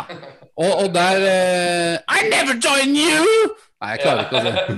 Og så sier jo da, ikke sant, for dette Anakin sier jo Eller når han er Han har jo blitt Darth Vader, da, men ikke fått på seg drakten ennå. I, I eh, Revenge of the Sith så sier han jo, vil han jo få Han vil jo overthrow We can overthrow the emperor, ikke sant? Så dette her er eh, Det rimer med hva karakteren. Darth Vader Hvordan han begynte å tenke allerede i Revenge of the Sith. Det er jo det samme like han gjør. It's like poetry. It rhymes. Ja, det, han gjør det samme her. Sånn for meg så, så er det på en måte en logisk karakteroppbygning og på en måte en videreføring av hvordan han, eh, han har blitt. Altså han, han prøver på en måte å gjøre det samme. Han vil overthrow the emperor. Han vil, han vil, det er jo det sistene, sistene skal gjøre. De skal crave the power, ikke sant. Så, så, men eh, den scenen er jo, ja, som jeg sa i stad, den, den slår deg hardt både fysisk og psykisk, rett og slett. Og, og skuespillet til Luke der, og til, eller Ah. Til Mark Hamill og Ja. har, med du? det er jo noe med hvordan? De, har, de har teasa deg litt med den scenen i den hulen først. Hadde du ikke hatt den, så hadde jo ikke den scenen her vært like kraftfull. Den hadde vært kraftfull, men den er enda Du, får, du, du på en måte gjenopplever det, men nå er det virkelig, liksom. da. Ja. Hva med du, Martin? Har du noen tanker på verdens beste filmscene. Altså det som eh, vi sa i sted, da, den eh, duellen den leder jo fram. Den er så langtrukken, men så Mm. rett. Og den, det er så mye Du får plass til så mye refleksjoner og informasjon gjennom uh, det, det som leder opp til uh, standoffet helt ytterst der. Mm. Og, og det er en sånn kraftfull eh, slutt på en, en film i filmen Mm. kan Mm. du si. At den, Ja, eh, den fungerer på så, så mange plan, ikke minst som en del av Empire Strikes Back, men som en liten film i seg selv. Mm. Så det er bare å se den scenen for seg sjøl flere ganger. Det er så mye å Mm. hente der. Uh, selvsagt innholdet med at I am your father er jo det, det, Hele Ja, det- snur jo på aksen akkurat Ja, der. det, det er jo gresk tragedie. altså Jeg jeg har brukt eksempler før, men Et av de mest kjente, kanskje det aller mest kjente greske tragedier er noe som heter for Ødipus, hvor en mann som eh, dreper sin far og ligger med sin mor. Det er jo sånn klassisk gresk tragedie. Her, her er jo eh, 50% Ødipus, i den forstand at han prøver å drepe sin far. Eh, Og, og, han kysser ja. og han kysser søsteren sin. Ja, det, det, det, det er greske. Men det er noe vakkert med det, altså. Ja, ja, ja. Det, det er en, en digresjon igjen, men eh, jeg jeg har studert teater og gjort så, og sånne ting, og det, jeg fikk høre noe veldig artig, at alle greske tragedier lever i beste ånd nå 200-300 år etterpå, men alle greske komedier blir aldri spilt lenger for at humor er sånn konstant i, i, i forandring du vet, for, for hvert tiår, Mm. mens tragediene er alltid lik eh, i, i, i, i generasjoner. Så det bare så artig. Og der har du tydeligvis da George Lucas gjort noe kult med å omfavne både humor og tragedie i den filmen her. Og det, det er ganske fascinerende balanse at du får vite han er faren, og du blir vettskremt, og likevel en halvtime tidligere så har du ledd av han Solo sine replikker. Det, det, det skal egentlig ikke gå an å lage filmer som klarer å, å omfavne det alvorlige og det humoristiske på en så fin kvalitetsmåte. Det er mange som har prøvd. Ja, ja, Marvel Jeg syns Marvel har fått til det. da Ja. til, ikke, Ja. ikke- Det er ikke like Ja, bra, men det er til, Ja. tider meget bra hvordan Marvel har fått det til. Og Det er derfor, Ja. sønnen, det er derfor sønnen min elsker Marvel. Han har kommet Ja. litt mer inn i Marvel enn han har kommet inn i Star Wars, og det har nok noe Ja. med med tempoen i filmene og sånn, selvfølgelig. Da. Så, Ja, ja, ja, ja. Sånn, Og- sånn, og- sånn går ting i generasjoner. Men, men jeg tenker at eh, hvis du ser f.eks. Thor Ragnarok, for eksempel, da. Ja, ja, ja, ja, Ik- ja. Ikke at den er like bra som Empire Strikes Back, det er den absolutt ikke. Men det er allikevel en solid film. Det er ekstremt underholdende, mye humor, men det er ganske, ganske mye mørke ting som skjer i filmen også.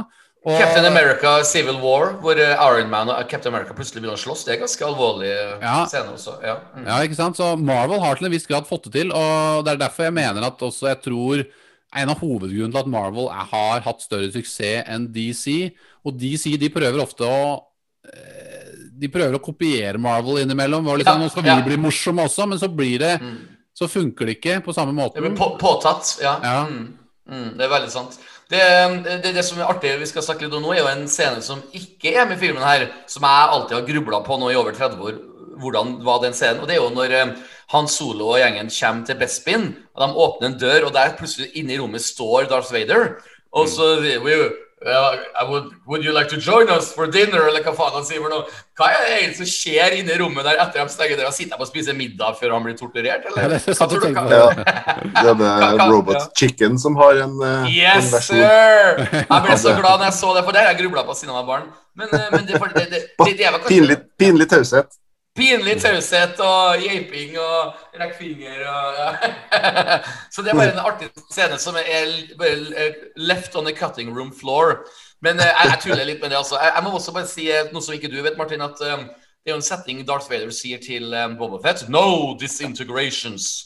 Uh, as you wish, svarer han som Boba Fett. Det blir igjen tatt opp i Mandalorian, hvor um, Mandalorians er veldig flink til å skyte folk slik at de disintegrate. Så det er vel alle Ja, riktig, det er sant, ja. Det, Ja, Så det er veldig artig at man kan ta sånne settinger og bygge en liten story om det senere. Jeg husker i fjor, fjor eh, februar i fjor, så var jeg bowla sammen med min stesønn på 13 år. Og vi skulle egentlig bowle i to timer, men jeg var så sliten etter én time, så vi skulle heller gjøre noe annet. Så sa han bare Ja, men du lovte jo at uh, vi skulle uh, bowle i to timer. Og da sa jeg bare I'm altering the deal. Pray I don't alter it any, further. Og, og da begynte jeg å le, og da var, da var jeg ok. Da var jeg jo kul stemme likevel. Bare, bare at jeg brukte eh, Darth Vader-sitat. Så det, det viser bare at filmen lever i beste velgående liksom 41 år etterpå. Og ja, det, er svært sitatvennlig. Ja. ja. Vi skal ikke helt avslutte enda, Martin, men vi, vi bruker alltid å ha litt sånn terningkastgreie. Vanligvis så kommer vi uh, å, og snakke om tre forskjellige terningkast. Det trenger ikke å gjøre i dag, for at det her er jo en soleklar uh, altså Vanligvis har vi liksom hvordan er filmen her som en enestående film? Hvordan er det i Star Wars-sammenheng? Hvordan er det som popkornfilm? Men Martin, du skal få lov til å kun gi ett terningkast i dag, for det, det, det vil jo være likt på alle disse tre alternativene. Så hvilket terningkast vil du gi filmen her? Og gjerne begrunn hvis du har behov for det. Vel, eh, jeg er jo en gammel rollespiller, så på rollespillterninga så har du gjerne 20. eh, Opptil 20 sider. Av og til 100 også. Så uh, uansett hvilken terning du velger å bruke, så gir jeg en høyeste score. Mm, mm. Jeg liker den rollespillsammenligningen der. Det, det kan Knut kjenne seg igjen i. Ja, jeg spiller ikke så mye rollespill, men jeg har et sånt svært eh, et eh, Det er jo rollespillelementer i det, men det er sånn sånt miniatyrkrigsspill i Star Wars-universet som heter Legion. Det er eh, det tar 18 timer å rigge opp og 18 timer å spille det, og man har krampe i beina når man er ferdig, for man står og går rundt et bord så lenge. Ja. Så eh, jeg kjenner meg igjen i det. Men eh, Det- det blir altså et terningkast. Terning, jeg si terningkast eh, uh, på en uh, Ja, ja. D6, som det heter da. Og det er jo Ja, fordi at den filmen har alt uh, som en ja. enkeltstående film, og den har Ja. alt som Ja. forbinder foregående og neste film Ja. Sammen. Ja, det er jo- ja. Det er jo det der at den, den gjør en eksepsjonell jobb med å så ta det som har blitt etablert i A New Hope, eh, og ta de karakterene fra den filmen, de heltene, og dra de karakterene inn i situasjoner som er tilsynelatende helt håpløse, og plasserer de der. Spesielt da Luke og Han Solo. Og til en viss grad Darth Vader også. Han også er jo en posisjon Han har mistet jo sønnen sin. Han stikker jo av, ikke sant. Så alt er jo åpent. Så den gjør en mesterlig jobb i å plassere karakterene i en umulig situasjon på slutten. Og, Ja.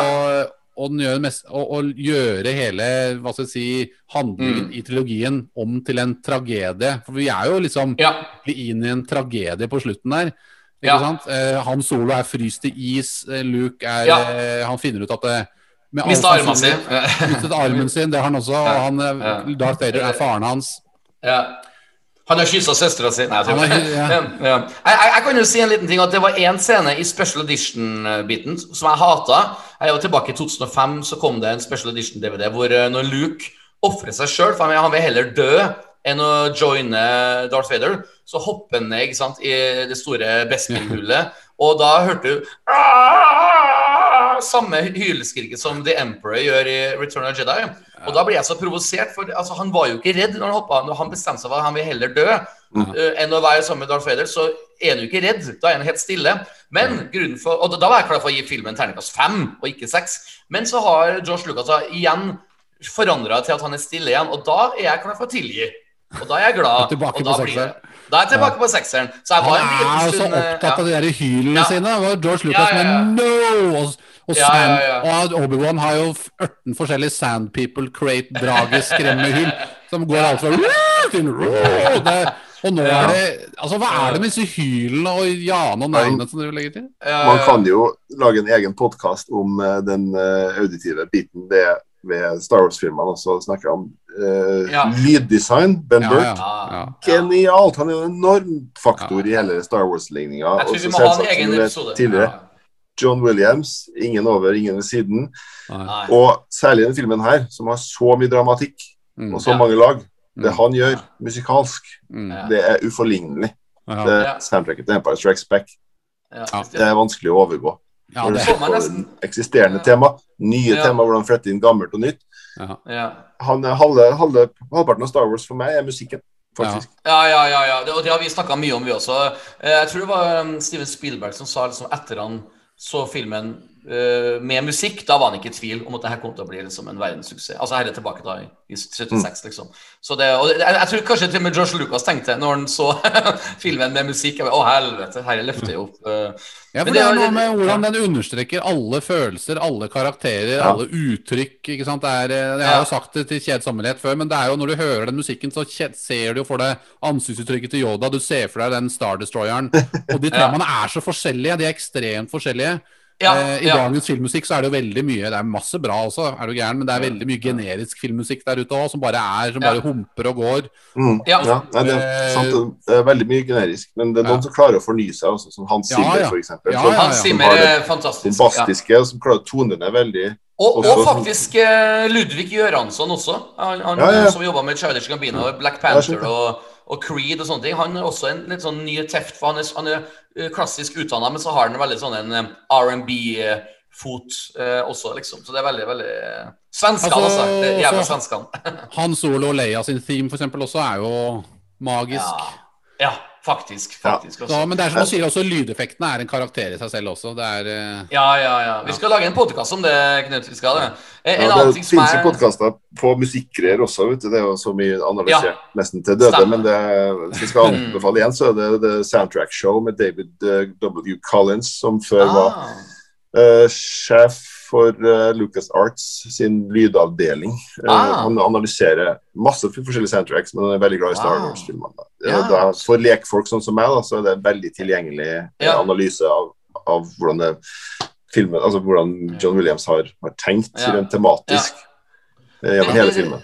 Det er veldig artig at du sier det, for du, av og til så går jeg inn i YouTube wormhole, og så av og til får jeg bare lyst til å se på sånne syv år gamle gutter som ser uh, den scenen I Am Your Father for første gang. Så får jeg se reaksjonene deres. Og jeg merker da hvor mye effekt musikken har til ordene. Altså Én ting er at uh, Darth Vader sier I am your father, og at uh, det cinematisk ser flott ut, men den musikken dar, dar, altså, det, det, det, det er nesten det ungene treffer blir- blir truffet mest av. At musikken er skummel oppå setninga. Så det, det, det beviser bare at alt du sier, Martin og Knut, er helt rett. Altså Musikken er eh, faen meg halve filmen. Altså. Den er liksom Og- eh, både tøff når den kommer, den der da, da, da, da. I, en, I en sånn litt mer slow variant så er den liksom både hardtslående og tøff, men også liksom melankolsk samtidig. Du kjenner liksom Ja. den der tragedien, da. Ja, ja, ja. ja Mens altså. mens den tidligere har. Du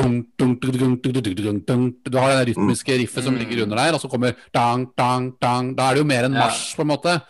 Jeg, Eh, jeg, ja. jeg, kom plutselig på, jeg, kom, jeg kom plutselig på hvilket narkotisk stoff filmen her er. The ecstasy. det må Ja, jo det er være det. oppløftende. Ja, ikke sant? Det er det. Nei, det her er artig, altså. Det, altså, det, det, det som er så gøy med podkasten her, Martin, er at um, du er jo, eh, har veldig mye kunnskap om um, ikke bare Empire Strikes Back, men eh, generelt Star Wars. Og, og du må jo så klart være en gjest til oss senere en gang også, når vi skal begynne å snakke om enkeltepisoder. eh, s- eh, Når som helst. Kjempekult. Det er kjempekoselig, vi- vi- da. i alle fall hvis du har lyst til å se på de episodene på Disney Plus. Du abonnerer sikkert ikke til Disney Plus, du. Gjør ikke det? Men det, det skal vi gjøre noen forandring med. Men eh, Knut, har du noen siste ord du vil gjerne dele før, eh, før vi avslutter denne overraskende, ikke for lange Ja, altså vanligvis så snakker vi tre og en halv time, men i dag så har vi lovt oss sjøl å være litt flinkere og, og, komprimere oss litt, for at eh, stakkars våre lyttere skal slippe å høre på i tre og en halv time hver gang vi har podkast. Det er fordi Irvin Keshner og Lawrence Caston har vært inne og eh, Yes! redigert denne episoden her. Jeg var Nei, jeg, nydelig jeg. Ja. eh, nei det er, um, det er jeg, jeg elsker denne filmen på alle plan. Altså humoren, effektene, det kreative, musikken, karaktervalgene, eh, dramaet, relasjonene mellom, eh, mellom, mellom heltene og mellom Ja. antihelten Darth Vader og alt annet. Måten han Ja. går rundt og promoterer disse generalene i ørt og pørt, eller hva heter det, i, uh, huet og ræva, og kveler dem i hist og pist. Og uh, det er liksom Det er mye det er, det er mørkt og det er morsomt samtidig. Og det er på mange, det er på mange måter en perfekt film, hvis man kan, bruke Ja. det ordet om, om noe, da. Mm. Uh, Ja. Og så Det- legger, det- jeg jo- merke til nye ting hele tiden. Det er, eh, Ja. også i forhold til eh, ikke sant? De nevner jo også, de snakker om det derre at Chewbacca eh, driver og drar av armene på det. You can rip arms off a gundark. Ikke sant? Ja, Det- ja, ja, og, det så, og det fikk vi jo se i solo, at han river av armene på en fyr også, ikke sant? For I was supposed to use that uniform! Ja. ja, og det tror jeg også er en cast-en uh, direkte link til eh, Empire. Strikes Back der. Så det er eh, Jeg la også merke til også at Luke, han, når han står og snakker med, med Obi-Wan og um, Yoda der, når han skal til å dra av gårde til Bespin, så liksom la jeg merke til en liten detalj. Han, mens han står og snakker, så driver han, driver han og rydder litt sånn rundt Men det er sånne ting man ikke legger merke til. Man fokuserer jo ofte på dialogen og det som Ja. blir sagt. Så la jeg merke til at han driver og drar noen slange. Det ser ut som en levende slange han drar ut av motoren på den X-vingen Ja. mens han driver Ja. og snakker. Det er, liksom, det. det. det er så morsomt. Ja. Ja. Til og med, til og med krypdyrene har fått regi av Irvin Kushner. ja, det er masse levende slanger rundt omkring der. Ja, det, Til og, med, Ja, til og med inni hytta til Yoda der er det jo en levende slange som driver og kryper Ja, ja, ja. Han Mark Hamill sa det i et intervju nylig. Han sa liksom at uh, When I was doing the Dagobah scenes on the cast, altså on the sånn studio sheet, eller hva han kaller det for, det står actor Mark Hamill, puppet and snakes. Liksom, det var sånn. Ja. Og han måtte skalle hodet sitt 16 ganger før han Ja. Cashner var fornøyd med det taket. er, er, er det sant, eller var det Ja, nei, det er sant. Det er sant. Wow, wow. Ja, det er også... Du, Martin? Ja. ja. Nei, nei, Jeg, jeg skulle, bare jeg må bare si hvor uh, god jobb eh, Mark Hamill har gjort gjennom hele Empire Strikes Strikes Back. Også. Så jeg, oh. Når han er sammen med Yoda, det er jo ikke nødvendigvis Frank Oz han eh, snakker med, eller Nei. dukka. Nei. Det er en sånn pinne med en, uh, en tapebit på, bare så du Ja. har Ja. rett øyehøyde.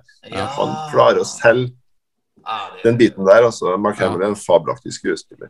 Ja, han er veldig Jeg syns det er synd Altså, han har jo hatt en fantastisk karriere, men han, Men skjønner, er, men han har jo ikke han, Etter Star Wars så har han jo ikke vært et ansikt ut av det. En skuespiller du har sett ofte på lerretet gjøre store roller.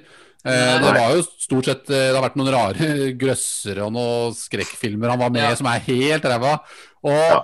Men han har jo han har, han har en helt utrolig karriere som teaterskuespiller. Han, var, jo- han spilte Ja. til og med Elephant Man etter A New Hope. Han gjorde det. Han, Han, gjorde det. og han, eh, han, han drev også med altså voice acting før Ja, ja. Star Wars. No, The Og- Joker.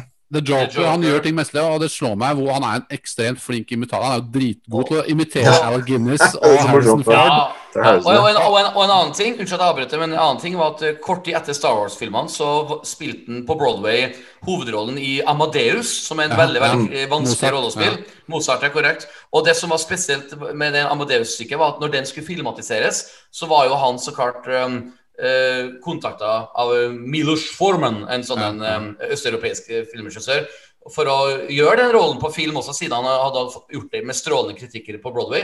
Men da sa bare Milos Forman og produsentene No, we, want, we don't want Star Wars in this movie. Da, da, da valgte de heller en annen, uh, annen Ja. skuespiller. Så han har på en måte fått en sånn curse as a, a, and a blessing Ja. med Star Wars. Uh, kjent for alltid, men uh, det, han, han blir så assosiert med Star Wars, og derfor har han ikke fått uh, andre store roller, som Harrison Ford var heldig til å få big time. Da. Ja, men, han har, var- ikke sant? ja. Men det er lettere for Harrison Ford, for han har jo, altså, han har jo en hovedrolle, men den er jo mer en birolle enn Luke Yes, har. eh, Ikke sant? yes. Så det er litt Luke, lettere. Luke bærer hele sagaen, så han vil Ja. alltid være Luke. liksom, ja. Ja, han er, en, han er liksom den største helten. Det er jo vanskelig å finne nye roller og ikke bli identifisert med den automatisk. Men du, Ja. ser, du ser jo når han kommer tilbake til The Last Jedi, da, hvor bra han er. Jeg syns han er Ah. jævlig bra i The Last Jedi også. Han er jo egentlig den beste, egentlig. Og, og, og, og den skal vi snakke om neste uke, Knut. Eller Nei. hvis vi får tida, da. Ja, nå, men, nå, nå sa jeg, jeg men, Ja, Return of the Jedi også, men jeg mente, nå, Ah, un- nå mente jeg The Last Jedi, altså med Ryan Johnson. Beklager. En Beklager, film som mange ja. hater og mange elsker, men, men allikevel Ingen kan ta fra Mark Hamills prestasjon i den filmen, for den er objektivt sett, syns jeg, da. Og subjektivt, kan man si også, men altså, det, det, det, er, det er bare Han er en sinnssykt morsom type, og en profesjonell type. og han du burde se det der Jeg så et intervju med Frank Ja. som intervjuer eh, Mark Hamill, faktisk. Hvor han gjør invitasjoner. Og, og han, han, han snakker mye om de der første auditionene han hadde med George, Ja. Lu- George Lucas. Ikke sa Ja. noen ting. Han bare satt der, liksom. Og Ja. han måtte si noen helt assistenten ville til Brian setninger. De Palma. Ja. Ja. ja, korrekt. korrekt. En, en Han, annen ting han, han tro, han trodde Når skal du hente kaffe til Brian De Palma? tenkte. Det var det Ja. Mark Hamill trodde. ja. En annen ting Mark Hamill sa i det intervjuet der, var jo at um, han rosa Ryan Johnson i den forstand at han var den hyggeligste Ja. filmregissøren han noensinne hadde møtt, som eh, var hyggelig på settet og smila og tulla. Mens han har opplevd mye andre regissører som har kjefta og eh, nærmest fornærma skuespillere. Så at, eh, det var, det var artig at han tok seg tid til å rose Ryan Johnson, som nå på en måte representerer det store Star Wars-hatet blant fans, liksom, eh, ja, i, i moderne tid. Så det er litt artig. Men eh, Martin, vi skal ta en utfordring til før vi avslutter. Vi avslutter alltid med et, eh, at vi alle tre leverer et sitat fra hver film, altså fra, fra filmen. Jeg kan gå først, Knut kan gå nummer to, og etter du har kommet med ditt sitat, så avslutter vi liksom eh, podkasten. Så nok en gang tusen takk for at du ville være med oss i dag. Det ga mersmak. Så jeg kan starte med mitt sitat. Nå, nå har du noen sekunder å tenke, Martin. Så jeg håper ikke at jeg eller Knut tar ditt sitat nå, men jeg kan starte med en, en av mine favorittsitater fra filmen. Luminous beings are we, not this crude matter. Den er, den er fin. Den er fin. Uh, vær så god, Knut. Ja, det er jo det er vanskelig å finne noe her, altså, men eh, jeg må si eh, mm, eh, Jeg må si Apology accepted, Captain Nida. Og vær så god, Martin. Da til deg.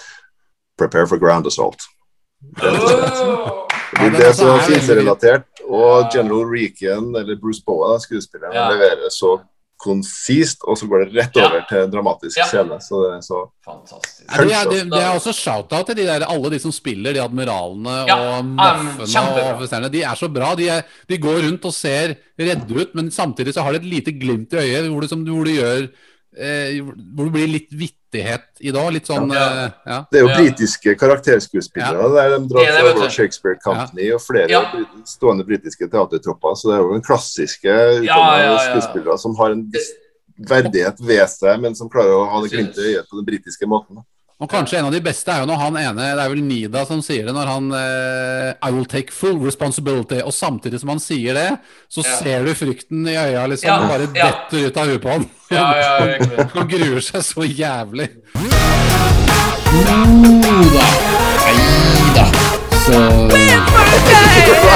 Nei da. Så